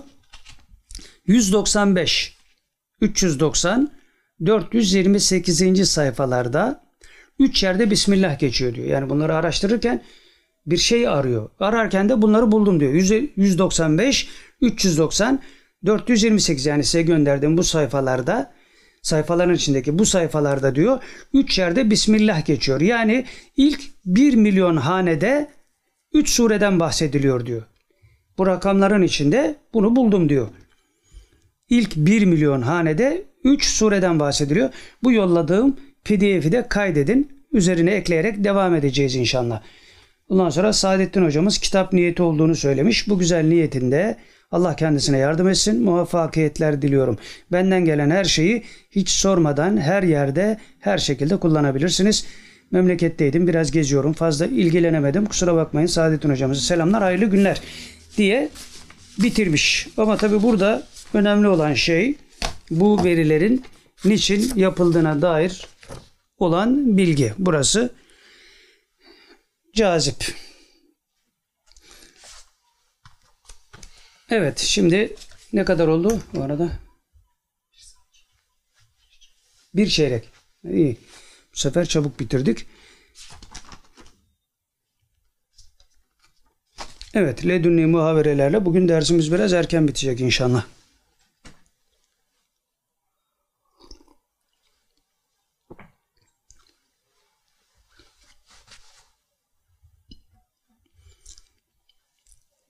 Şimdi 15 Haziran 2021 muhaveresi.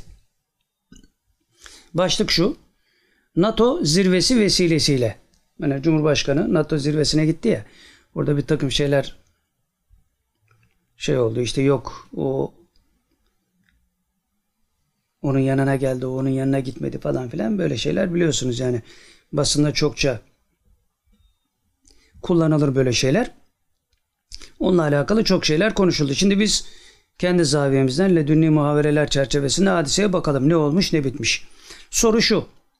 15 Haziran 2021 tarihinde bir muhavere şöyle soruluyor. NATO toplantısı yapıldı. Herkes bir şey söylüyor. Nedir sonuç? Cevap şu. Bizim lehimizde olaylar oldu. Yani NATO'da bizim Türkiye'nin lehine olaylar oldu. Büyük manevi baskı oldu onlar üzerinde.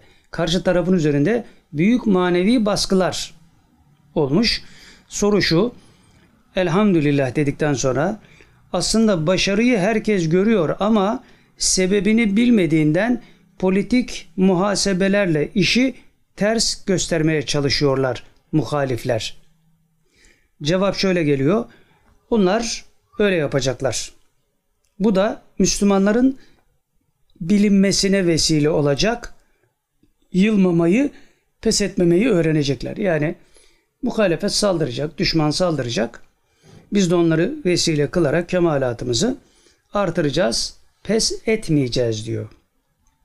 Soru şu, elhamdülillah dedikten sonra demek muhalifler bizim antrenman malzememiz durumunda. Öyle midir? Cevap şu, her zaman. Her zaman muhalifler bizim antrenman, onlarla antrenman yapıyoruz yani. Kum torbası yani. Her zaman diyor. Ondan sonra soru şu. Bunu Müslümanlar olarak anlayabilsek neler yapardık kim bilir. Yani onlar bizim antrenman malzememiz. Bunu bir hissedebilsek daha neler daha yapardık mealinde bir soru sorulmuş. Cevap şöyle geliyor. Mevla onların ne kadar rezil olduklarını onların kendi elleriyle anlatıyor insanlara. Aslında diyor düşman kendi eliyle rezil olmaya devam ediyor. Kendi elleriyle rezil oluyor diyor. İnsanlar da bunu görüyorlar. İşte Batı'nın bugün içine düştüğü mesele. Hala bizdeki bir takım triviri tipler. İşte biz Avrupa'ya, Avrupa Birliği'ne tekrar yanaştık. NATO'ya tekrar dahil olduk. Doğru. Ama hangi şartlarda? Düne kadar sen NATO'nun şey çöpçüsüydün. Şimdi NATO için ne diyordu Macron? Beyin ölümü gerçekleşmiş bir teşkilat. Sen beyin ölümü gerçekleşmiş bir teşkilata girdiğinde onun sana yapacağı bir şey yok. Beyin ölümü gerçekleşmiş zaten. Onun için kimsenin sevinmesine gerek yok. NATO'ya geri dönüyormuşuz. Hayır, NATO'yu teslim alıyoruz. Avrupa Birliği falan filan da öyle bir, öyle bir birlik kalmadı ki. Aytunç Altındal da söylüyordu zaten. Bilmem hangi senede Avrupa Birliği diye bir şey kalmayacak. Ama bizim muhalifler, Türkiye'deki muhalifler e, tekrar şeye döndük. Biz Avrupa'ya döndük. Adamdan hoşuna gidiyor. Yani İslam gelmesin de nereye dönersek dönelim. Öyle bir şey yok. Hiçbir yere dönmüyoruz. Herkes kendi ekseni, ekseni etrafında dönerken biz elhamdülillah hepsinin ekseni etrafında dönüyoruz. Hepsinin ekseni etrafında. Böyle bir şeyle karşı karşıyayız. Onun için Mevla onların ne kadar rezil olduklarını yani NATO'sunun, Batı'sının, bilmem Rusya'sının falan filan ne kadar rezil olduklarını onların kendi elleriyle anlatıyor insanlara. Soru mahiyetinde nasıl diye sorulmuş. Yani bu iş nasıl oluyor? Cevabı şöyle. Kendi inandıklarını bile doğru dürüst savunamıyorlar. Yani Batılılar küfür taifesi kendi inandıklarını bile artık eskisi kadar doğru dürüst savunamıyorlar. Çünkü dengeleri kayboldu. Anlatamıyorlar. Tutarlılık gösteremiyorlar. Bir dava anlayışları yok. Uğrunda fedakarlık edebilecekleri inanışları yok. Boşlukta salınan, çözülmüş bir ip gibi halleri var. Şimdi daha önce söylediğim bir şeyi hatırlatayım. Almanya'da bir arkadaş bir Alman mimara demiş ki bu Dom Kilisesi gibi bir kilise yapabilir misiniz? Yapamayız demiş. E demiş yani sizin atalarınız şimdiki imkanlara sahip değilken bu Dom Kilisesini yaptılar. Siz şimdi niye yapamayız diyorsunuz? Diyor ki bizde o ruh kalmadı. O ruh kalmadı. Bir Dom Kilisesi bile belirli bir ruh kuvvetine, malikiyetle yapılabilir ancak. Bu adam onun farkında. Şimdi dolayısıyla bunlar da bir dava anlayışları kalmadı. Uğrunda fedakarlık edebileceklerine ha bir fedakarlık yapabilecekleri bir şey kaldı LGBT. Bugün baktım internette İskandinav ülkesi Finlandiya mı neresiydi işte ha bir e, hakkında bize palavra hatırlar çok müthiş bir ülke olduğu anlatılan bir ülkeydi şimdi hatırlamıyorum. İlkokul çocuklarını vermişler ellerine o LGBT bayraklarını. Çocukları istismar ediyorlar ahlaksızlar. Öyle bir idealleri var yani. Onu da Mevla kafalarına geçirecek inşallah. Evet soru şu. Allah daha da beter etsin ki Müslümanlar şerlerinden emin olsun inşallah. Temenni babında bir soru sorulmuş. Cevap olarak inşallah ne iyi olurdu biraz anlasalardı. Soru şu. Küfür taifesi mi anlasaydı? Onu mu kastettiniz? deniyor. Cevap şu, hayır. Genel insanlık, genel manada insanlık biraz anlasaydı bu işleri ne iyi olur diyor. Kurtulurlardı yani. Böyle cehenneme doğru gidiyoruz yani demek istiyor. Gidiyorlar inanmayanlar. Evet soru şu. Mana yönünden esen psikolojik baskıyı hissediyorlar üzerlerinde ama idrak edemiyorlar. Öyle mi? Yani bu kefere taifesi, muhalifler mana yönünden esen psikolojik bir baskının olduğunu hissediyorlar üzerlerinde ama bunu idrak edemiyorlar. Öyle midir? Cevap evet edemiyorlar. Yani bu baskıyı hissediyorlar fakat idrak edemiyorlar. Soru şu. Allah gafletlerini artırsın inşallah. Soru mahiyetinde. Burada bir parantez açılıyor. Şimdi bu parantezde ilginç bir şey var. Cumhurbaşkanı Erdoğan Biden görüşmesi sona erdi diye bir haber. E, www.trthaber.com haber gündem de verilen bir haber. Şimdi bu bu videoda e, bir şey var. Bir görüntü var. Ledünni hakikatler çerçevesinde bir görüntü var. e, şöyle diyor. Bu videoda dün Erdoğan üzerinden, Recep Tayyip Erdoğan üzerinde çok büyük manevi heybet hissedildi. Yani şeyle Biden'la karşılaştığında çok büyük bir manevi heybet hissedildi.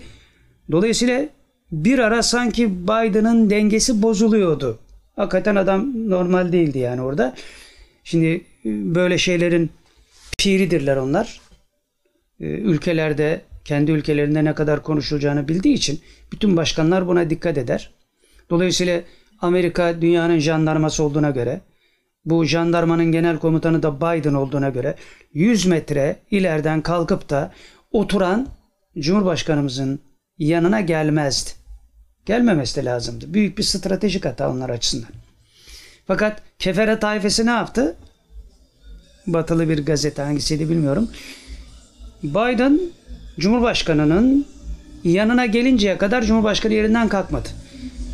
Yumruklarını birbirlerine değdiklerinde ancak ondan sonra halbuki mesela 3 adım kala kalkar insan. Kalkmadı. Şeyin de dengesi bozuktu zaten. Onun için o 100 metre geriden geldi. E, bütün dünyaya da rezil oluyorsun yani. Fakat ne yaptılar? Zevahir'i kurtarmak için. Bu adamın kafa gitmiş çünkü ne yaptığı belli değil. Erdoğan onunla yumruklaşıp ayağa kalkarken böyle doğal olarak tabii eğiliyorsun kalkmak için. O arada sanki Biden'ın elini öpüyormuş gibi bir pozisyon. Orayı yakalamışlar serseriler. Onu veriyorlar. Yani işte Erdoğan'ın hali. Hayır Erdoğan'ın hali değilsen Biden'ın haline bak. Adamda denge menge yoktu. Bir ara Trump'ın yanında da vardı ya bir tane NASA'nın başkanı mıydı? Yardımcı mı neydi böyle kıvranıyordu falan filan. Koymayın bu adamı yani bu rezillik bütün dünyaya niye gösteriyorsunuz? Ama kuyruğunu sıkıyorlar tabi. O anda olan bir şeydi o. Yani dolayısıyla metafizik savaşın boyutları hissedildiğinde bazı şeyler nasıl yürüyor anlaşılabilir. Bunlardan anlamadığımız için de birçok şeye Fransız kalıyoruz. Evet. Devam ediyoruz.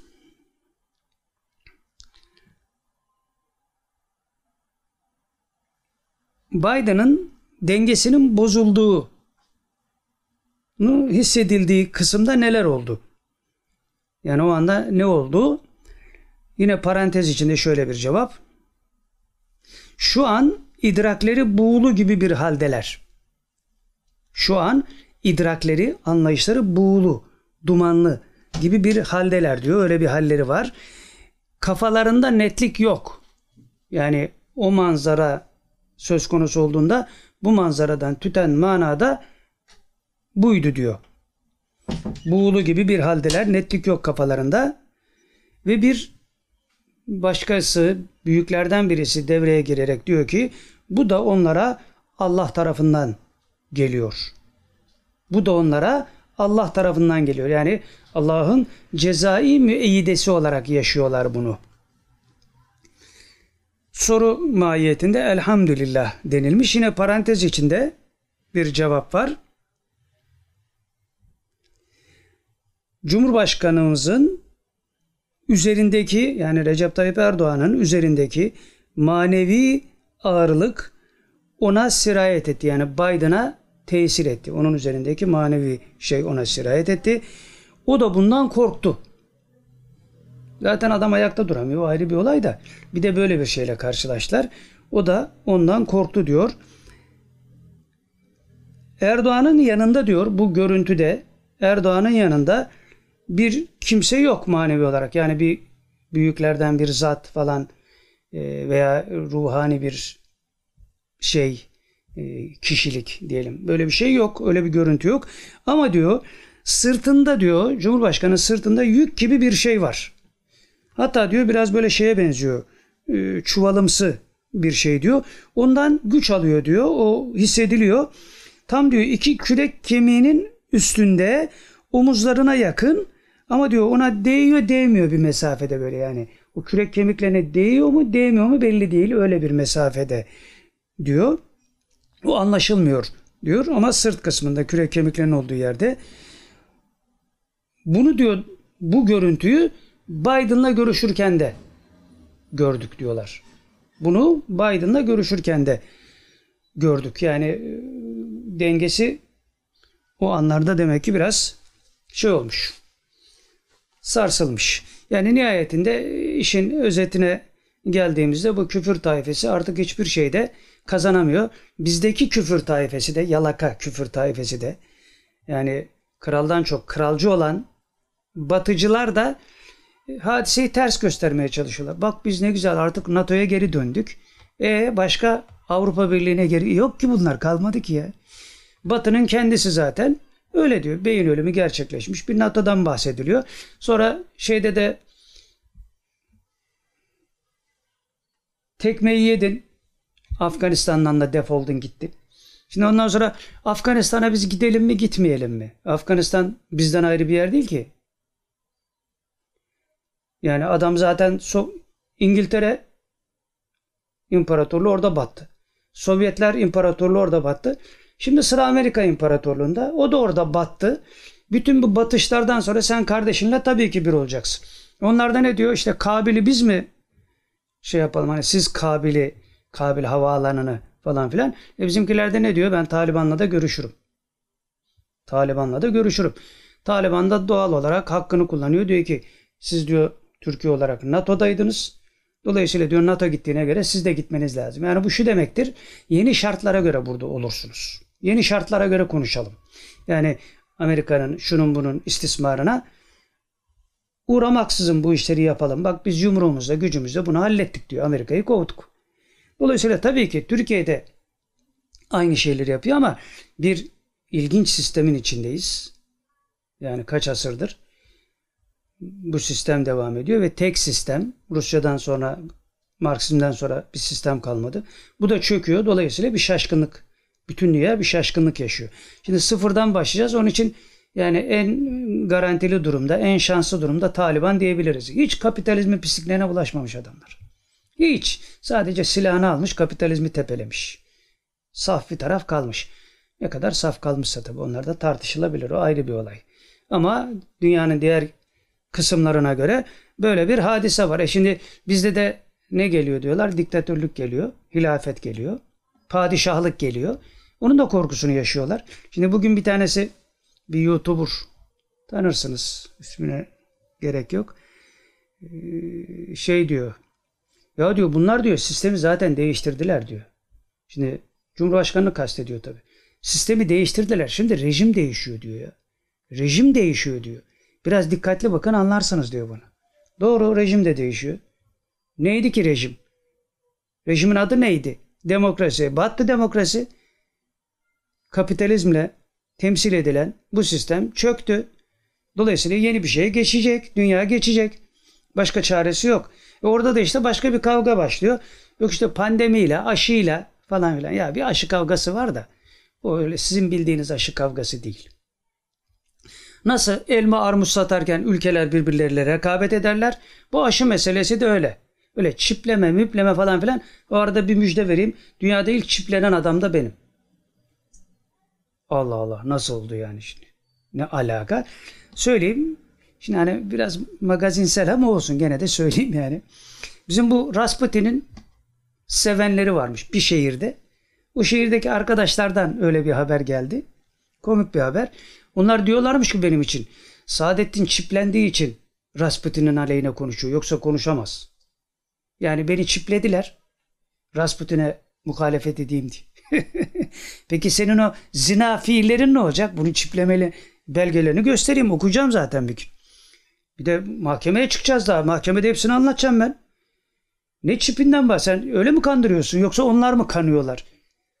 Yani sen üflediysen Rasputin hiç üfleme boşuna bak. Sana bir çip takarlar bir daha kurtulamazsın. Zaten sana çipe gerek yok yani sen gazla çalıştığın için. Ucuza gidiyorsun sen. He. Şimdi onun etrafından ayrılmayanlar onları ikaz ediyoruz ama hala birileri ayak diretiyor. Onunla alakalı da bir haber okuyacağız şimdi. Merak etmeyin. İşler öyle bedava işler değil. Yani onu bilin yani. Dünyada ilk çiplenen benim. Hiç kimse merak etmesin. Bana da bir şey olmadı yani. Görüyorsunuz işte. Siz de çiplerlerse ancak birine şey yaparsınız işte. iftira atarsınız diyelim benim gibi. Hani iftira attık ya. Halbuki iftirayı atan da o ya.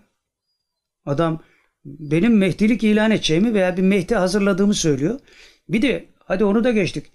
O fikirle alakalı. Çarşambayı kan gölüne çevirecekmişim ben. Hama'ya çevirecekmişim. Suriye'ye çevirecekmişim. Adamda hala cevap yok ya. Şimdi onu böyle safça savunan bazı arkadaşlar var. Diyorum ki ya bu adam uçan kuşa cevap veriyor ya. Uçan kuşa cevap veriyor. Ben bu adama karı pezevengi diyorum bana cevap vermiyor ya. Niye? E belgeler burada. Aha klasör. Koca bir klasör burada. Bunun içinde polis tapeleri, mahkeme belgeleri. Niye vermiyor? Diyorum ki siz niye cevap veriyorsunuz onun adına ya? Bırakın o versin. O da işte böyle numaralar çeviriyor alttan alttan. Saadettin'e çip taktılar onun için benim aleyhime konuşuyor herhalde öyle diyor artık. Onlar yani Anadolu'da bir şehirdeki insanın bunu düşünmesi mümkün değil yani. Bir üfleme var yani. Bunun hayatı böyle palavrayla geçmiş çünkü. Neyse bizden paçasını kurtarmak için öyle yapıyor ama yanılıyor tabii. Bizden paçanı kurtaramazsın çünkü biz ilgilenmiyoruz seninle. Seninle ilgilenenler senin paçanı bırakmadı, bırakmıyorlar, bırakmayacaklar. Ta ki ilk noktana rücu edinceye kadar. Şimdi bazı görüntüler veriyorsun tabii taktikler falan filan. Şimdi seni televizyonlara televizyonlara da çağırmıyorlar artık. Şimdi yani orada sıkışık durumlar olabilir yani. Onlar da zor durumda kalabilir. Lan bunun cemaatinden birileri feveran etti. Şehit hocamız feveran etti. Bir tane hoca feveran etti. E biz sürekli anlatıyoruz. Ne oluyor lan burada bir şeyler oluyor biz anlayamadık diye. Fatih abisi de daha çağırmıyor. Daha dur. Daha dur. Yeni başladık da. Her şeyin bir hesabı var. Hani bir de lan git demeyelim şimdi. Sedat Peker gibi. O da herkese etkiledi yani. Adama helal olsun yani. Evet. Soru mahiyetinde temenni babında bir soru. Elhamdülillah delilip bu mevzuda bitmiş. Şimdi 16 Haziran 2021 muhaberesi Amerika başlık şu Amerika, NATO ve Afganistan. Soru şu. Amerika yani NATO NATO Amerika demek zaten. Afganistan'dan çekildi. Durum nasıl gelişir Afganistan'da? Cevap şu. Şimdi net bir şey yok daha. Yani henüz netleşen bir şey yok. Yeni çekildi diyorlar. Olaylar bitmedi. Biraz daha bekleyelim. Yani bu konuyla alakalı ne olup biteceğini görelim. Ondan sonra size söyleriz deniliyor. Soru mahiyetinde tamam inşallah denildikten sonra bir soru devam ediyor. Bir müddet sonra olacaklar anlaşılacak demek. Yani ne, olup bittiğini anlayacağız. Mevla Müslümanların lehine sonuçlandırsın inşallah. Dedikten sonra cevap şöyle geliyor. Öyle olacak. Öyle olacak. Orada kazanan Müslümanlar olacak. Er ya da geç. Artık bundan sonra kafirlerin kazanma ihtimalleri sıfır Allah'ın izni keremiyle. Soru mahiyetinde bir temenni. Elhamdülillah denildikten sonra tez zamanda inşallah diye bir temenni sorusu soruluyor. Şimdi 15 Haziran 2021 yine başlık şu Ayasofya ve Tabutu Sekine şu 250 bin senedir aranan şey 2500 senedir aranan Tabutu Sekine meselesi. Herkes bunun peşinde tabi. Mekke'de arayanlar, Medine'de arayanlar, e, Haiti'de arayanlar mı dersin, İstanbul'da arayanlar mı dersin her tarafta aranıyor bu. Bununla alakalı bir muhavere soru şöyle. İstanbul'un fethi kutlanırken bu sene yani 2021 itibariyle İstanbul'un fethi kutlanırken Ayasofya'da ışıklandırma yapıldı ve tabutu sekine gösterildi. Herkese ilginç geldi. Bunu kim neden yaptı? Yani bugüne kadar bu kadar kutlamalar oldu falan filan. İlk defa tabutu sekine o kutlamalarda resim olarak e, hani yansıtıyorlar ya e, orada gösterildi. Bu neden oldu diye bir soru. Cevap şöyle geliyor. Birileri bir şeyler biliyor ama ne olduğunu anlayamıyor. Birileri bir şeyler biliyor ama ne olduğunu anlayamıyorlar diyor ve devam ediyor. Meseleyi ortaya getirip buradan ip uçları bulmak istiyor birileri. Bir şeyler hissediliyor aslında tabutu sekine ile alakalı. Dolayısıyla bir şeyler yapıp o yaptıkları şeylerden ipucu yakalayarak tabutu sekineye doğru yol almak istiyorlar. Soru şu. Peki bu bunu yapanlar bizden birileri mi? Cevap ne bizden ne karşı taraftan. Ortada biri. Bunu yapan böyle birisiymiş. Yani bu tabutu sekinenin o gösteride görüntü olarak verilmesine sebep olan kişiden bahsediliyor. Ne bizden biri diyor ne karşı taraftan. Ortadan birisi. Şimdi orada parantez içinde bir görüntü söz konusu. Yüzü görülmüyor bu kişinin yani ne bizden ne onlardan olmayan bu kişi yani o slaytın oraya yansımasına sebep olan kişiden bahsediliyor. Yüzü görülmüyor. Takım elbiseli 35-40 yaşlarında birisi diyor bu kişi. Tahsilli biri ve ilahiyatçı olma ihtimali büyük. Tabutu sekineye de manevi bir şey olarak bakmıyor. Bilimsel bakıyor sanki diyor. Tabutu sekineye manevi olarak bakmıyor. Kur'an Kur'an-ı Kerim'de geçiyor yani. Demek ki bizden olsa ne olur bu adam olmasa ne olur yani. Şimdi niçin bu işte ilgilendiğinin sebebini de söylüyorlar tabi. Soru şu. Ne bizden ne karşı taraftan. Niye? Hangi maksatla Sekine'nin peşine düşüyor peki? Bizden de değil, karşı taraftan da değil. Yani Müslüman da değil, kafir de değil o manada. Hani kelime-i şehadet getiriyorsa Müslümandır tabi de. Taraf olma bakımından ber taraf olacak bir tip yani taraf değil. Cevap şöyle geliyor bu soruya. Şimdilik merak. Şimdilik diyor meraktan yapıyor bunu diyor. Bununla alıp yürümek düşünüyor. Yani malı götürmek. Amiyane tabirle. Malı götürmek istiyor. Soru şu. Nereye yürümek? Tanınmak gibi bir niyeti mi var bu adamın? Onun için mi yaptı bunu? Cevap şu evet. Tanınmak için yaptı. Şimdi diyor o kadar tanınmıyor. Şimdi o kadar tanınan birisi değil. Çok iş gören ama pasif kişilikli birisi. Yani çok çalışkan ama pasif görünüşlü olduğu için görünmek istiyor. Böyle bir amaçla böyle bir şeye yöneldi diyorlar. Soru şu. Yani zıplama derdinde öyle mi? Cevap şu. Böyleleri olur arada. Arada böyleleri de vardır diyor yani. Adam ne o taraftan ne bu taraftan ama görünmek ister yani. Nefsani bir takım atraksiyonlar demektir bu. Soru şu. Sefinenin yakınlığıyla alakalı değil demek. Çıkarılmasının yakınlığı yani. Yani sefine, tabutu sekine çıkarılsın çıkarılmasın meselesi değil yani bu adamın atraksiyonu. Öyle midir? Cevap şu.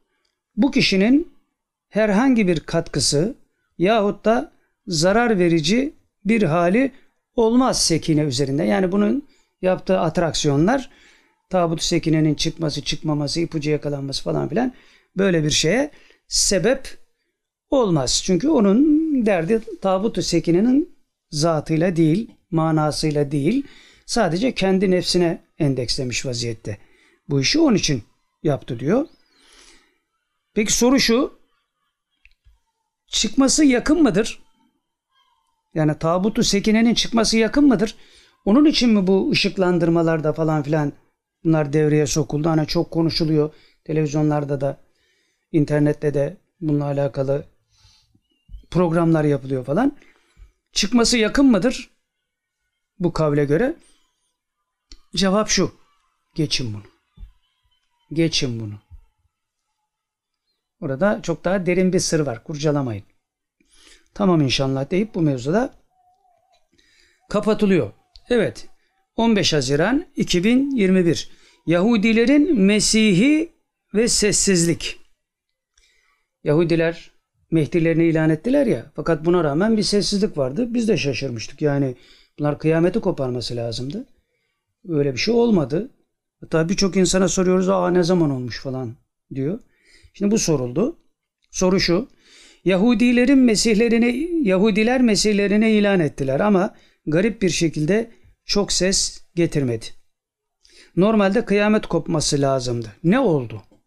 Ne oldu da böyle oldu? Cevap şu. Kopmadı, kopmayacak. Onlar da anladılar. Mevla seslerini kıstı. Ya kıyametin kopması gereken bir mevzu ya. Şimdi Tevrat'ta yazıyor ya İsrail devleti kurulduktan 74 sene sonra Süleyman Mabedi ele geçirilecek. Ve İsrail devleti yıkılacak. Büyük İsrail devleti kurulacak. Falan. Şimdi 2022'de bu tamamlanıyor 74 sene.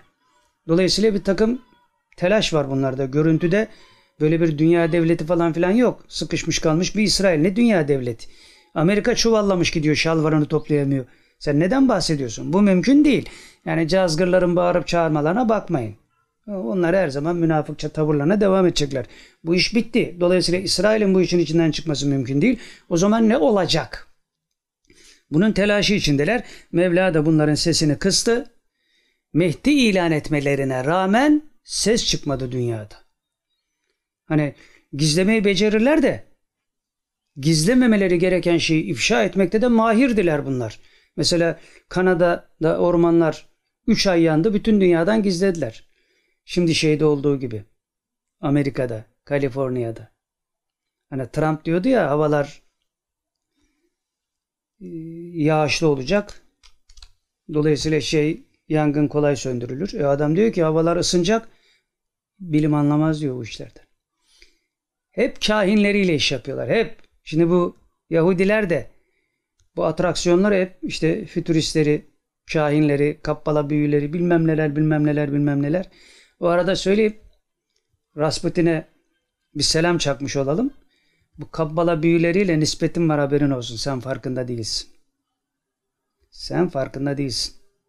Biz biliyoruz ama. Allah'ın izni keremiyle. Orada da bir risk aldık.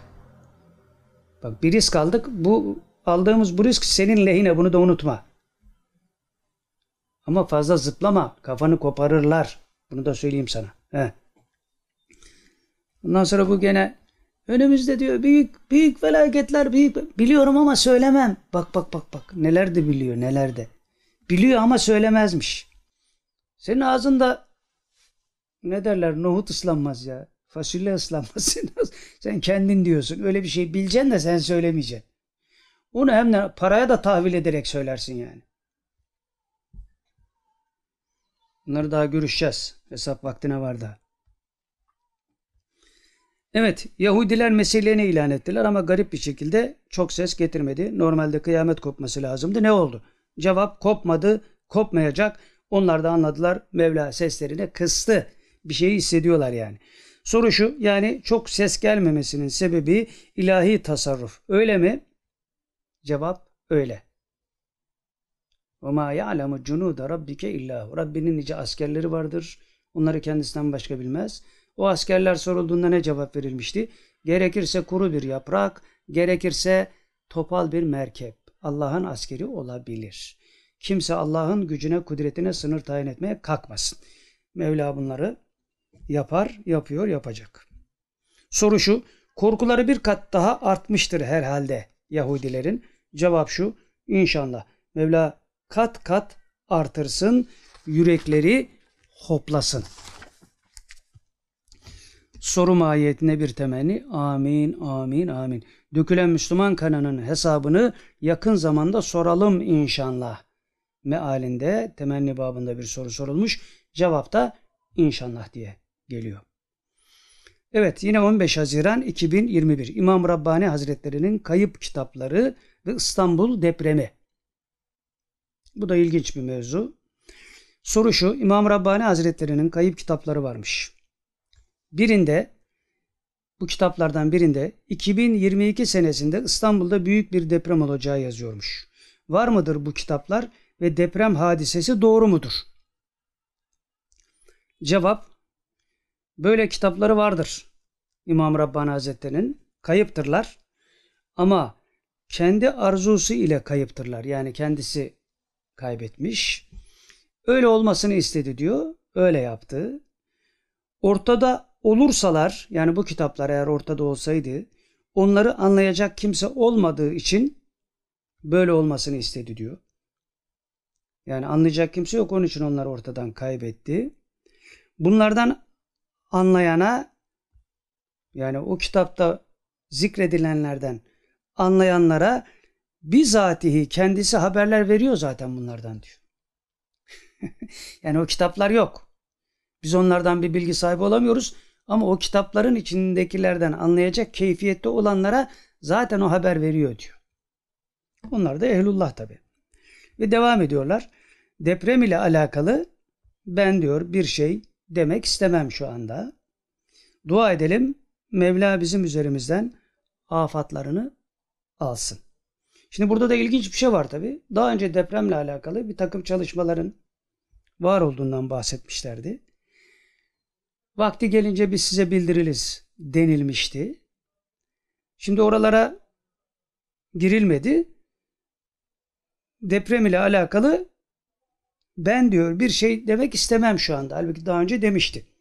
Şimdi şu an demek istemem deyişi bu kitaba nispetle.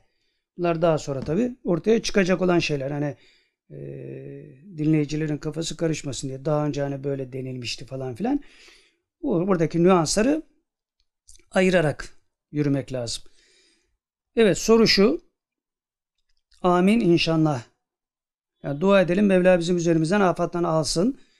Ondan sonra soru amin inşallah. O kitaplardan filancıya mutlaka bildiriliyordur. Yani İmam Rabbani Hazretleri'nin o kitaplarından filancıya çünkü onlar o dilden anladıkları için mutlaka bildiriliyordur. İmam Rabbani Hazretleri bildiriyordur o kişiye. O kişi bize müjdeler vermez mi? Yani siz biliyorsunuz bu işleri. Dolayısıyla İmam Rabbani Hazretleri o kitaplardaki sırlardan size anlatıyordur mutlaka. Sorduğunuzda veya söylüyordur. Bize anlatmaz mısınız diye bir soru soruluyor. Cevap şöyle geliyor. Çok ilginç. İzin alayım öyle. Yani İmam Rabbani Hazretlerinden izin almadan olmaz. Kendi başıma iş etmeyeyim. Bakalım ne derler. İzin aldıklarında inşallah biz de o kitapta var olan bazı sırlara şahitlik edeceğiz.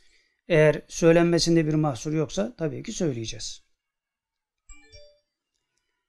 Evet izin alayım öyle diyor. Kendi başıma iş etmeyeyim. Bakalım ne derler. Soru tamam inşallah dedikten sonra bir dahaki muhaverede soralım mı? Yani bunu tekrar soralım mı? Yoksa siz mi söylersiniz mealinde bir şey? Şöyle cevap veriyorlar. Cevap beklemeyin ama sorun. Yani sorun ama cevapta beklemeyin. Ya veririz ya vermeyiz. Niçin? Oradaki sırrı da biz bilemiyoruz. Yani kendisine kendilerine söylenmiş olanı bize söylememek gibi bir emir söz konusu olabilir. Veya buna benzer başka şeyler. Oraları biz bilemiyoruz. Biz sadece laf dinlemek zorundayız. Cevap beklemeyin ama sorun diyor. Evet. Şimdi 15 Haziran yine 2021. Başlık şu. Mehdi Aleyhisselam'ın çıkış alametlerine bakış idrakı. Çıkış alametlerine bakıştaki idrak. Soru şu. Mehdi Aleyhisselam'ın çıkış alameti Ramazan'da hem ay hem güneş tutulmasıdır. 1981 senesinde Ramazan ayının iki ayrı cumasında ay ve güneş tutulması oldu. 1982 senesinde de iki ayrı salı gününe denk gelen ay ve güneş tutulması yaşandı. 1986'da da alametlerde, hadis-i şeriflerdeki alametlerde zikredilen kuyruklu yıldız geçti. Yani Haley kuyruklu yıldızı. Belirtildiği gibi bu yıldız doğudan batıya geçti. Bunlar nasıl tevil edilmeli? Yani bunların hepsi oldu. Dolayısıyla Mehdi Aleyhisselam'ın zuhuru çok yaklaştı mı? Böyle düşünebilir miyiz? Cevap şöyle geliyor. Bunları tevil edecek alim kalmadı. Alim. Bizim gibi avamı bırak. Bunlar yani bu hadis-i şerifleri tevil edecek alim şu anda yok diyor. Tevil edilse de eğer birisi kazara tevil etmiş olsa bile diyor anlayacak idrakte Müslüman kalmadı. Yani ne konuşuyorsunuz ki bunları siz? Ne siz anlarsınız ne de anlatabilecek bir alim var. Hoş bir tane çıksa da diyor onun da söylediklerini siz anlamazsınız. Ama bu konuda ne kadar bol kepçeden attığımız ortada değil mi? O oldu bu oldu şu oldu o gitti bu gitti falan filan ona göre bu falan filan düz mantık. Şimdi kumandanın bir eserinde var. Hadis-i şerif midir tam şey olarak bilemiyorum ama insanlar diyor sebep sebeple sonuç arasındaki yakınlığı okla yayın arasındaki yakınlık gibi zannederler. Yani ok nasıl yayla iç içedir? Sebeple sonuç da öyle yakın zannederler. Değil diyor. Sebeple sonuç arasında dünya kadar mesafeler vardır. Onun için nispetleri doğru kurup nüansları ayırt etmeye başladığımızda bunlar anlaşılır. Büyük Dayıp dili de bunu anlatıyor zaten. Büyük Dayıp dili fıkıh dilidir. Onun için o bahsettiğim mevzuyu İsmail Hakkı Bursevi Hazretlerinden anlatınca daha da açılacak inşallah. Daha sonraki derslerde inşallah nasip olur anlatırız onu. Burada başka şeyler dönüyor yani. İdrakla alakalı çok derin mevzular var. Yoksa işte aktüel haberler. Şimdi aktüel haber dedik. Hep ne diyoruz? Entelektüel bir boyuttan aktüel habere bakarsan bir şey ifade eder. Şimdi biz Yasin Kendirci'nin meselesini aktüel haber olarak sunduk. Çünkü işte internette E, e sayısı, pi sayısı falan filan ama burada çok farklı bir zaviyeden hadiseye bakış var. Dolayısıyla entelektüel bakışın yorumu olarak aktüel mesele. Her meseleye de böyle bakmak zorundayız. Şimdi biz hadis-i şeriflere bile hadis-i şerifler zaman üstü mana ifade etmelerine rağmen zamanla kayıtlı kişiler olarak bakıyoruz. Dolayısıyla da hadis-i şerifleri kendi inhisarımıza indirmiş oluyoruz. Dolayısıyla istismar etmiş oluyoruz. Onun da farkında değiliz. Burada da anlatılmak istenen bu. Bunları tevil edecek alim kalmadı. Tevil edilse de anlayacak idrakte Müslüman kalmadı ve devam ediyorlar. Onun için tevilden çok yaşanacak ve görülecek bundan sonra. Yani tevili falan bırakın diyor. Bundan sonra bu tür şeyler yaşanacak ve görülecek. Yani herkes bunu gördüğü zaman kesin ifade, kesinlik ifade edecek. Artık zanlarla hareket edecek durumda değilsiniz diyor. Çünkü öyle bir mizaç hususiyeti kalmadı insanlarda diyor. Ve devam ediyorlar. Ortaya atılan her şeyi alıp değiştiriyorlar. Yani hadis, ayet fark etmez. Ortaya atılan her şeyi alıp değiştiriyorlar. Asıllarıyla oynuyorlar. Bu da manevi alemde kırgınlıklara sebep oluyor. Yani bu tür konularda gevezelik yapmayın diyor. Onunla onu takıştırdım, bununla bunu tutuşturdum, onunla onu benzeştirdim falan filan. Sonuç bu. Terkibi hükümmüş. Otur oturduğun yerde diyorlar. Atmasyona gerek yok. Manevi alemde kırgınlıklara. Peki bu kırgınlığa sebep olan kişinin dünyadaki hali nedir? Kimse nefes alamıyor işte. Kimse nefes alamıyor. Nefes alamazken adam ledünni meselelerin derinlerindeki hadiselere intikal ettiğini iddia ediyor. Veya iddia etmeye çalışıyor. Oralardan haberi varmış gibi konuşuyor. Mış gibi yapıyor nefes alamadığından. Sonra basit bir belaya dücar kalıyor. Perişan. Bu işler öyle değil. Evet bu da manevi alemde dargınlıklara sebep oluyor. Böyle olmaması için bu karar alındı. Yani manevi alemde böyle bir karar alındı. Herkes diyor bu manevi meseleleri, ledünni meseleleri, hakikatle ilgili meseleleri alıp yüzüne gözüne bulaştırıyor. Bu da diyor bizim ağrımıza gidiyor. Onun için bir karar aldık. Böyle şeyleri cevaplanması zaruret miktarı oluyor. Her şeyde cevap vermiyorlar. Ve devam ediyor. Gene konuşacaklar. Birileri gene konuşacak diyor. Rivayetlerde bulunacaklar. Siz bırakın onları. Yani öyle konuşanlarla bizim işimiz olmaz. Ne derlerse desinler. Hani bu hadis-i şerifle alakalı yok. Ramazan'da ay görüldü falan filan. Biz de söyledik zamanında bunları tabi. Bunlardan vazgeçin diyor. Boş verin bunları. Bunların hakikatine muttali olmak başka nispetler gerektiriyor. Siz o nispetlerin peşine düşün. Dolayısıyla gevezelikten de kurtulmuş olursunuz. Yani karşınızdakini ikna etmekle mutmain olmayın. Bu size yetmez. Hakikati idrak ettiğiniz için mutmain olun. Zaten hakikati idrak ettikten sonra mutmain olmak sırları muhafaza etmeye de yardımcı oluyor. İşte sırrı saklamak da nedir? O da ayrı bir mevzu. Veliler mesela bir şeyi söylüyor. Söylenmeyecek bir şey. Sırrı ifşa mı etmiş oluyor? Hayır. Hataen, kusur olarak sırrı ifşa etmek insanı perişan eder. Ama bir de hadiseye hakimiyet tavrı içinde bir şeylerin hakikatini izhar edebilmek için bazı şeyler söylenir. Onlar da sırdır ama zarar vermez o söyleyene. Evet siz bırakın onları. Buradan alacağınız işaretler size yeter. Yani bizden aldığınız işaretler yeter size. Böyle her şeyi kurcalamayın diyor. Soru elhamdülillah dedikten sonra biz her şeyi umudumuzu artırmak için kullanmaya çalışıyoruz. Kaynağımızdan şüphemiz yok hamdolsun. Böyle bir cevap veriliyor.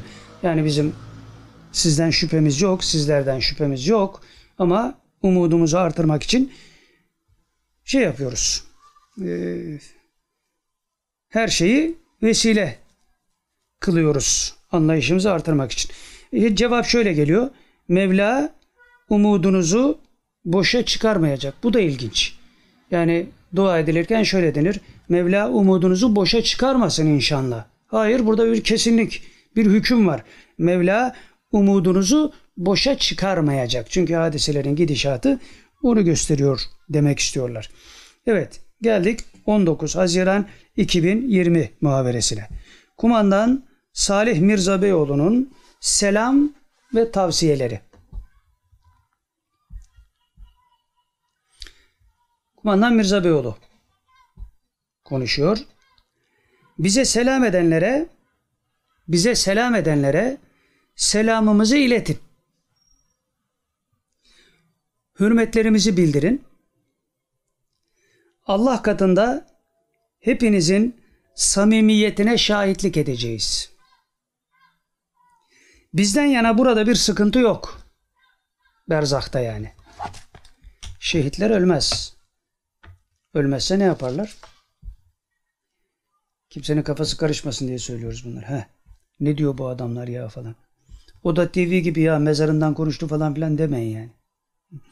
Bizden yana burada bir sıkıntı yok. Sizler de kalplerinizi, gönüllerinizi bağlılıkta sağlam edin.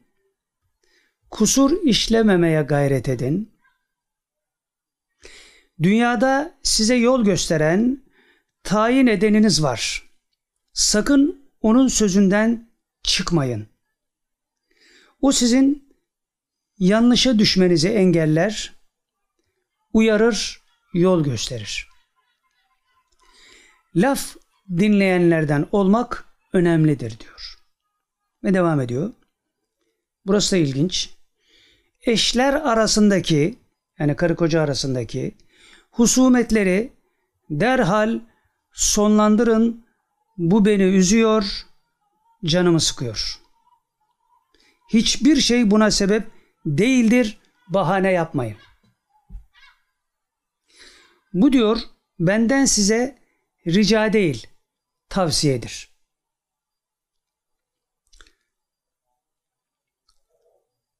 Şimdi orada başka bir şey oluyor tabi. Geçen geldiğinizde diyor üstadımın uyarısını dikkate alıp dinlediğiniz için de teşekkür ederim diyor. Edebe riayet etmek lazım.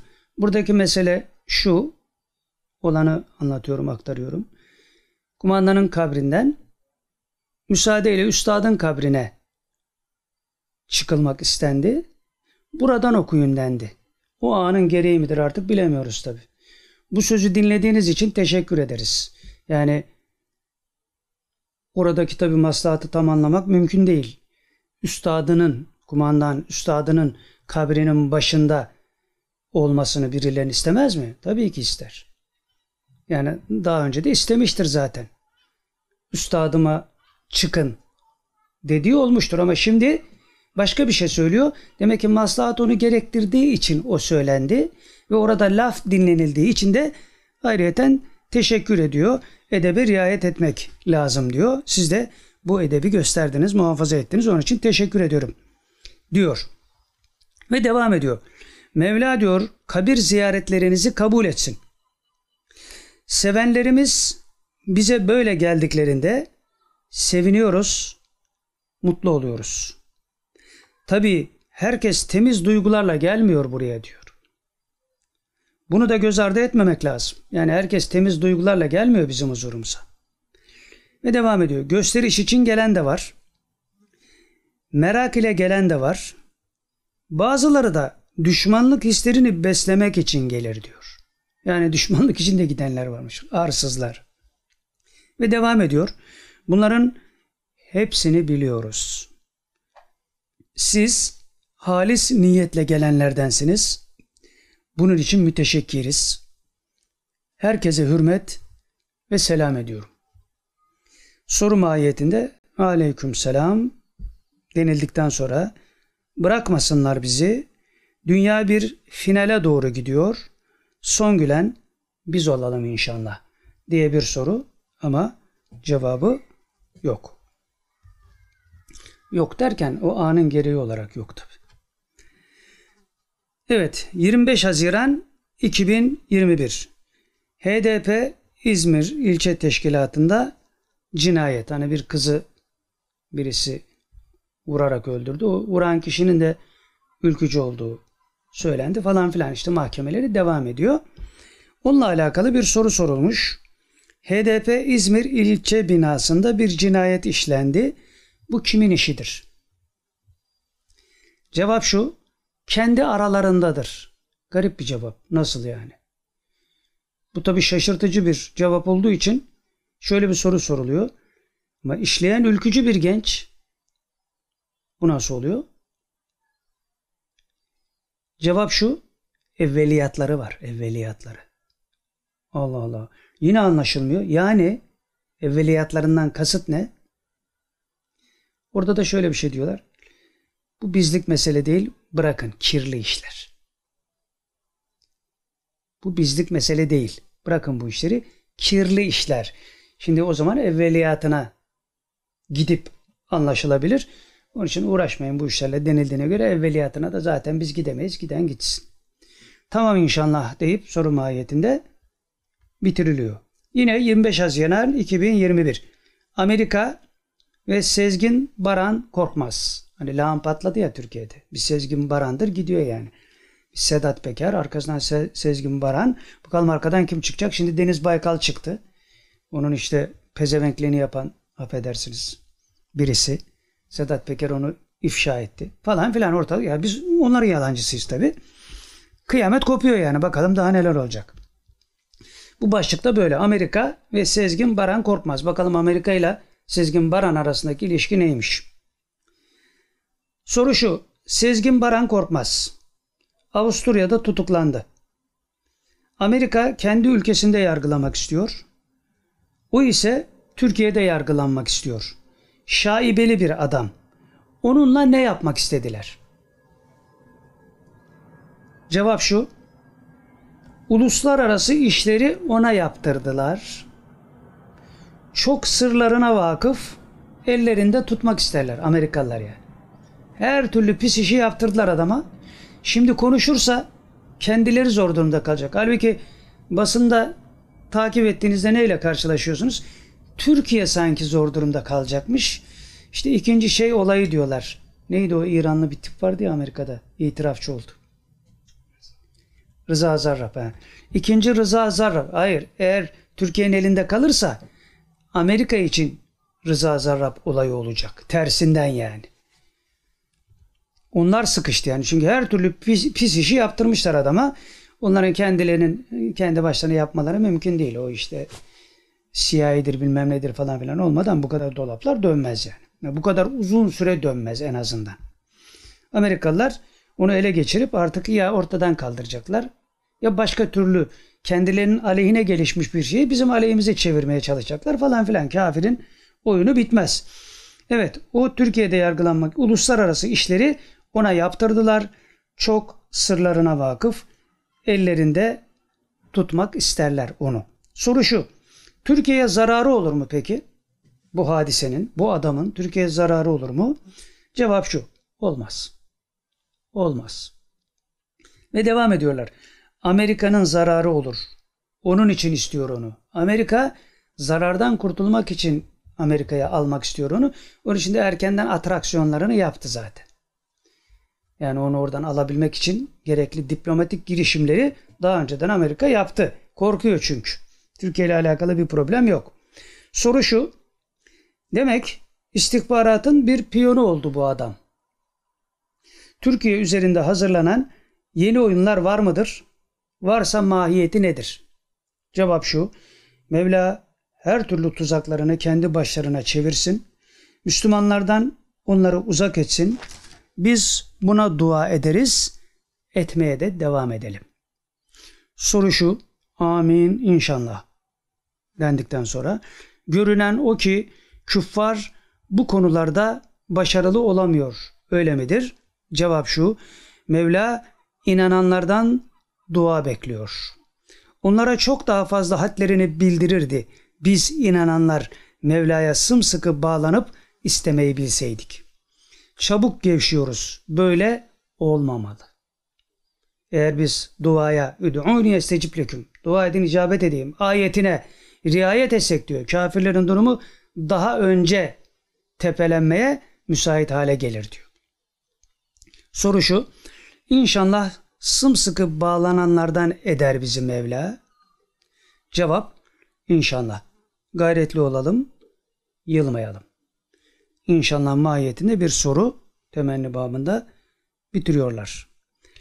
Evet 26 Haziran 2021 Veys Ateş zararı kendine. Biliyorsunuz Habertürk'te Veys Ateş diye bir haber sunucu vardı.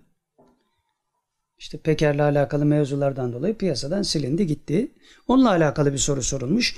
Veys Ateş İmam Hatip çıkıştı. Habertürk TV spikeriydi. Bir anda bütün itibarını kaybetti. Ne oldu? Bu aradaki böyle bir şey oldu. Cevap şu. İyi ya da kötü bize alakadar eder bir durum yok. Ve işte alakalı bize alakadar eder. Yani bizim davamızla alakalı bir durum yok. Kendisiyle alakalı zararı, karı kendine. Bırakın o işi de diyor. Zararı, karı kendine. Ne ettiyse kendine etti yani. Tamam inşallah deyip bitiriyorlar. Şimdi 26 Haziran 2021 yine Salih Mirza Beyoğlu ve İpta Hareketi başlıklı yüksek lisans tezi. Soru şu. Salih Mirza Beyoğlu ve İpta Hareketi başlığı ile yüksek lisans tezi hazırlamış Malatya İnönü Üniversitesi'nde bir talebe.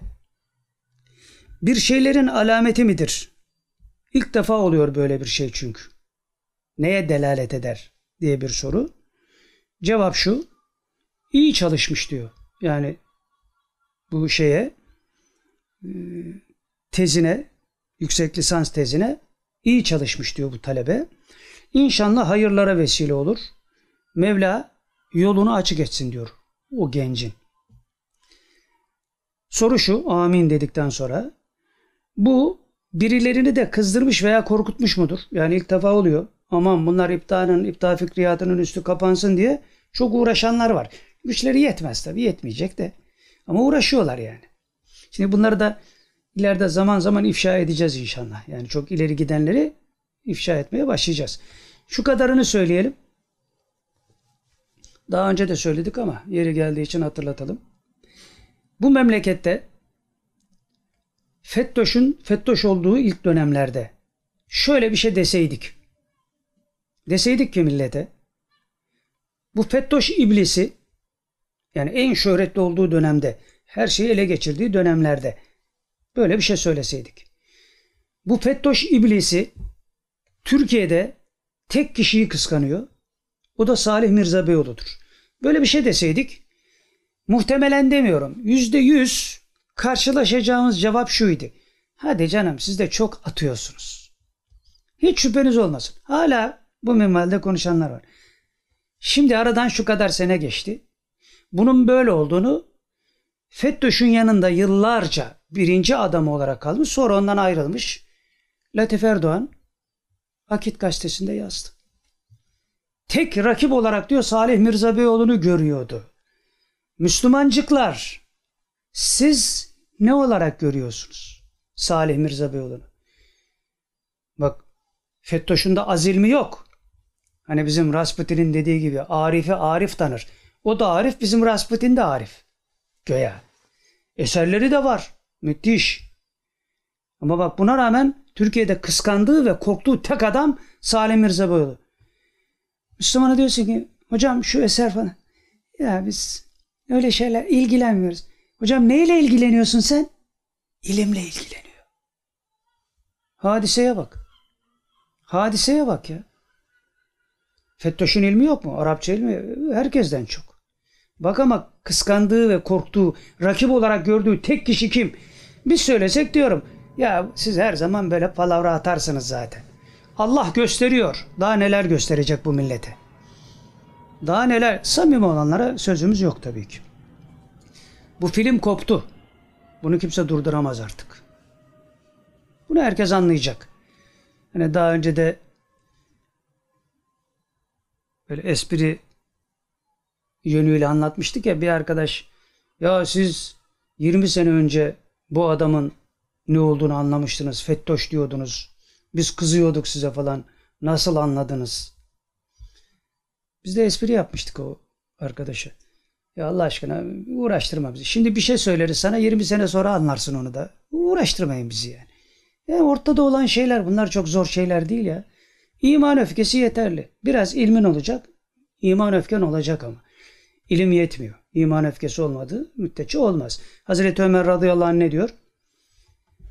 Doğruyu söylediğim için diyor hiç dostum kalmadı diyor. Ya dostum kalmadı dedi de sahabilerden bahsediyor yani.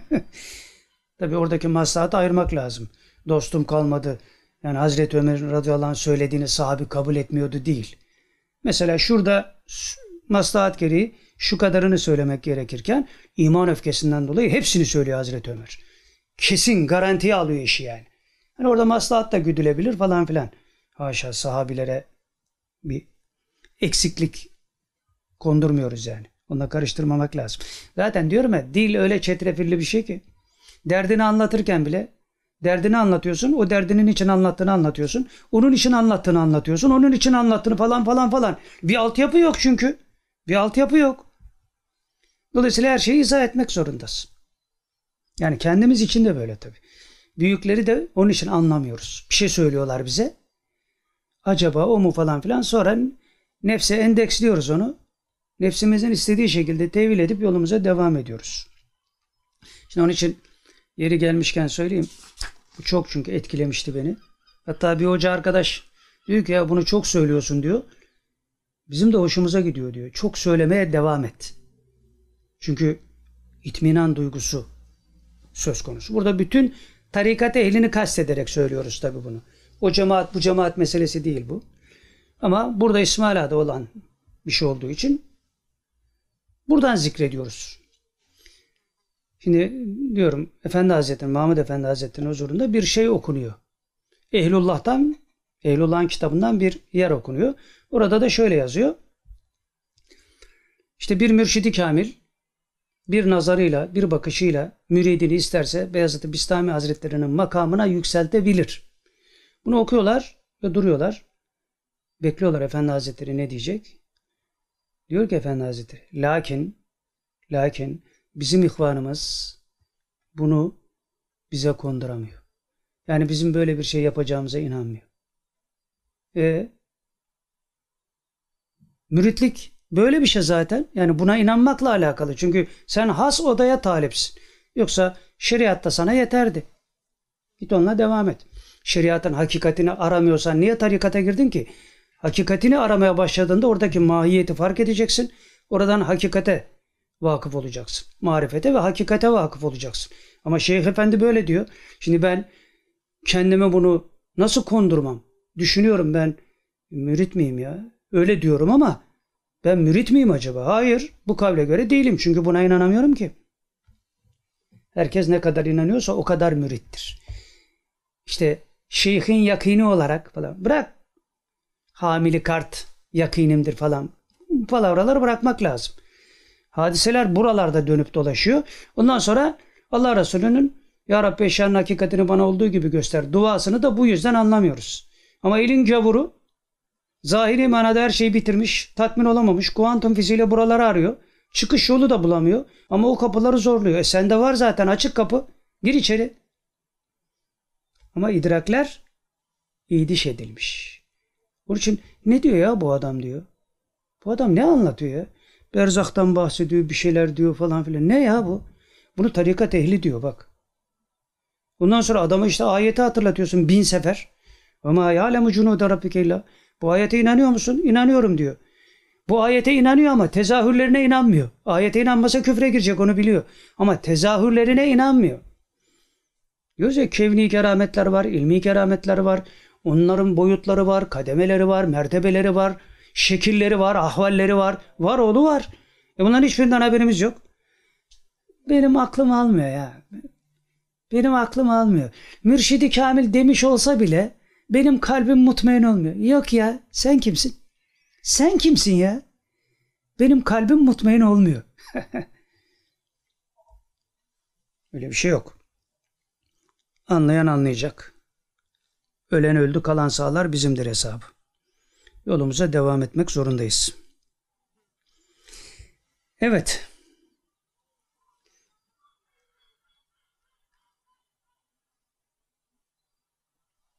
İyi çalışmış yani bu tez için. İnşallah hayırlara vesile olur. Mevla yolunu açık etsin. Amin. Denildikten sonra soru devam ediyor. Bu birilerini kızdırmış veya korkutmuş mudur? Cevap şu. Şimdilik bir şey diyen yok. Yani daha tez yeni. Bakalım ne olacak? Buradan yola çıkarak işte Latif Erdoğan misalini verdik. Yani dünya kabuk değiştirirken nasıl bir kabuk değişimi söz konusu oluyor? Bunu idrak etmek için mücerret fikir istidadına yönelmek zarureti var. Oradan ledünni hikmetlere, hakikatlere muttali olmak gerekiyor. Ondan sonra eşyanın hakikatine dair bir şeyler belki bir ucundan gösterilmiş olabilir bize. Bunun haricinde yok. Öyle söyleniyor ama anlamadıktan sonra Kur'an da mucize. Allah Resulü'nün en büyük mucizesi Kur'an. Kur'an'a mucize gözüyle bakan var mı? Yok. Bir gariplik var yani işin içinde. Her hadisede bunu yaşıyoruz. Dolayısıyla içinde bulunduğumuz zaman ve mekan hususiyetlerinde yaşadıklarımız da hep bu idraksizliğe gelip tosluyor. Onun için de kemküm gakkuk herkes birbiriyle mücadele ediyor. Ne konuşulduğu belli değil. Şu anda Türkiye'nin işte Sedat Peker'le içine düştüğü durum da öyle. Sistem çöküyor çünkü. Öbürü de kalkıp diyor ki AK Parti diyor sistemi değiştirdi şimdi rejimi değiştiriyor. O da onun korkusunu yaşıyor. Şimdi arada aklımıza gelmişken bir şey söyleyelim. Şeyle alakalı geçen sohbette Ali Tarakçı ile gazeteci Ali Tarakçı ile alakalı bir şeyler e, söylemiştik.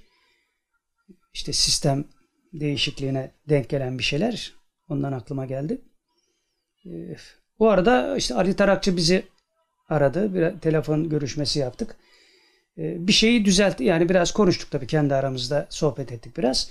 Ama bir şeyi düzeltmem lazım dedi. Ben solcu değilim dedi. Eskiden Marksistim dedi. Şimdi değilim. Fakat e, hani Tarakçı'ya selam olsun da şeyi sormayı unuttuk. Sağcı değilsiniz. Solcu da değilsiniz. Nesiniz demeyi unuttum yani. Şimdi buradan da sormuş olayım yani. Hani bir şey olmak lazım yani. Ayakların yere basmış olması için bir şeye nispetiniz olması lazım. Ha bir de şöyle bir şey var. Ben bireysel teröristim derseniz o başka bir şey yani. Bireysel teröristten fikri kastediyoruz tabii terörü değil yani. Öyle de bir şey oldu. Aramızda da güzel bir diyalog geçti tabii. Onu da belirtmiş olayım. Bu vesileyle onu da aklıma geldiği için söyledim. Evet. Tamam inşallah deyip bitiliyor. Şimdi 26 Haziran 2021. Rasputin Vatikan Latif bir beddua. Başlık bu. Rasputin filan yere gelip filancılarla görüşmüş. Ne yapmak istiyor? Cevap şu, onları yanına çekmek istiyor. Soru şu, peki onlar kanarlar mı? Cevap şu, kanmamalarını umuyoruz. Kanmamalarını umuyoruz. Şimdi biz uyarıyoruz. Bu adamın yanında duranların canı yanabilir. Bizden vebal gitti. Kaç sefer söyledik bunu. Buna rağmen tabi o düştüğü için her tarafa sarılıyor. Eski haline de rucu etmeye çalışıyor tabi. O da ayrı bir olay ama samimiyeti yok. Kanmamalarını umuyoruz. Soru şu. Bu ara Tim'in geride de böyle bir şeyden bahsetmiştik zaten. Yine aynı şey burada sorulmuş. bu ara televizyonlara çıkmıyor. Geri mi döndü acaba? Tekrar bir şeyleri ele geçirmeye mi çalışıyor cemaat içinde? Böyle bir niyeti mi niyete mi rucu etti? İşte burada latif bir beddua diyelim. Dua ama latif bir beddua şeklinde şöyle bir cevap veriyor. Mevla diyor onu yani Rasputin'i kötü emellerine ulaşmakta yorgun bıraksın. Rasputin bilirsin ehlullah'ın duası kabuldür. Yorma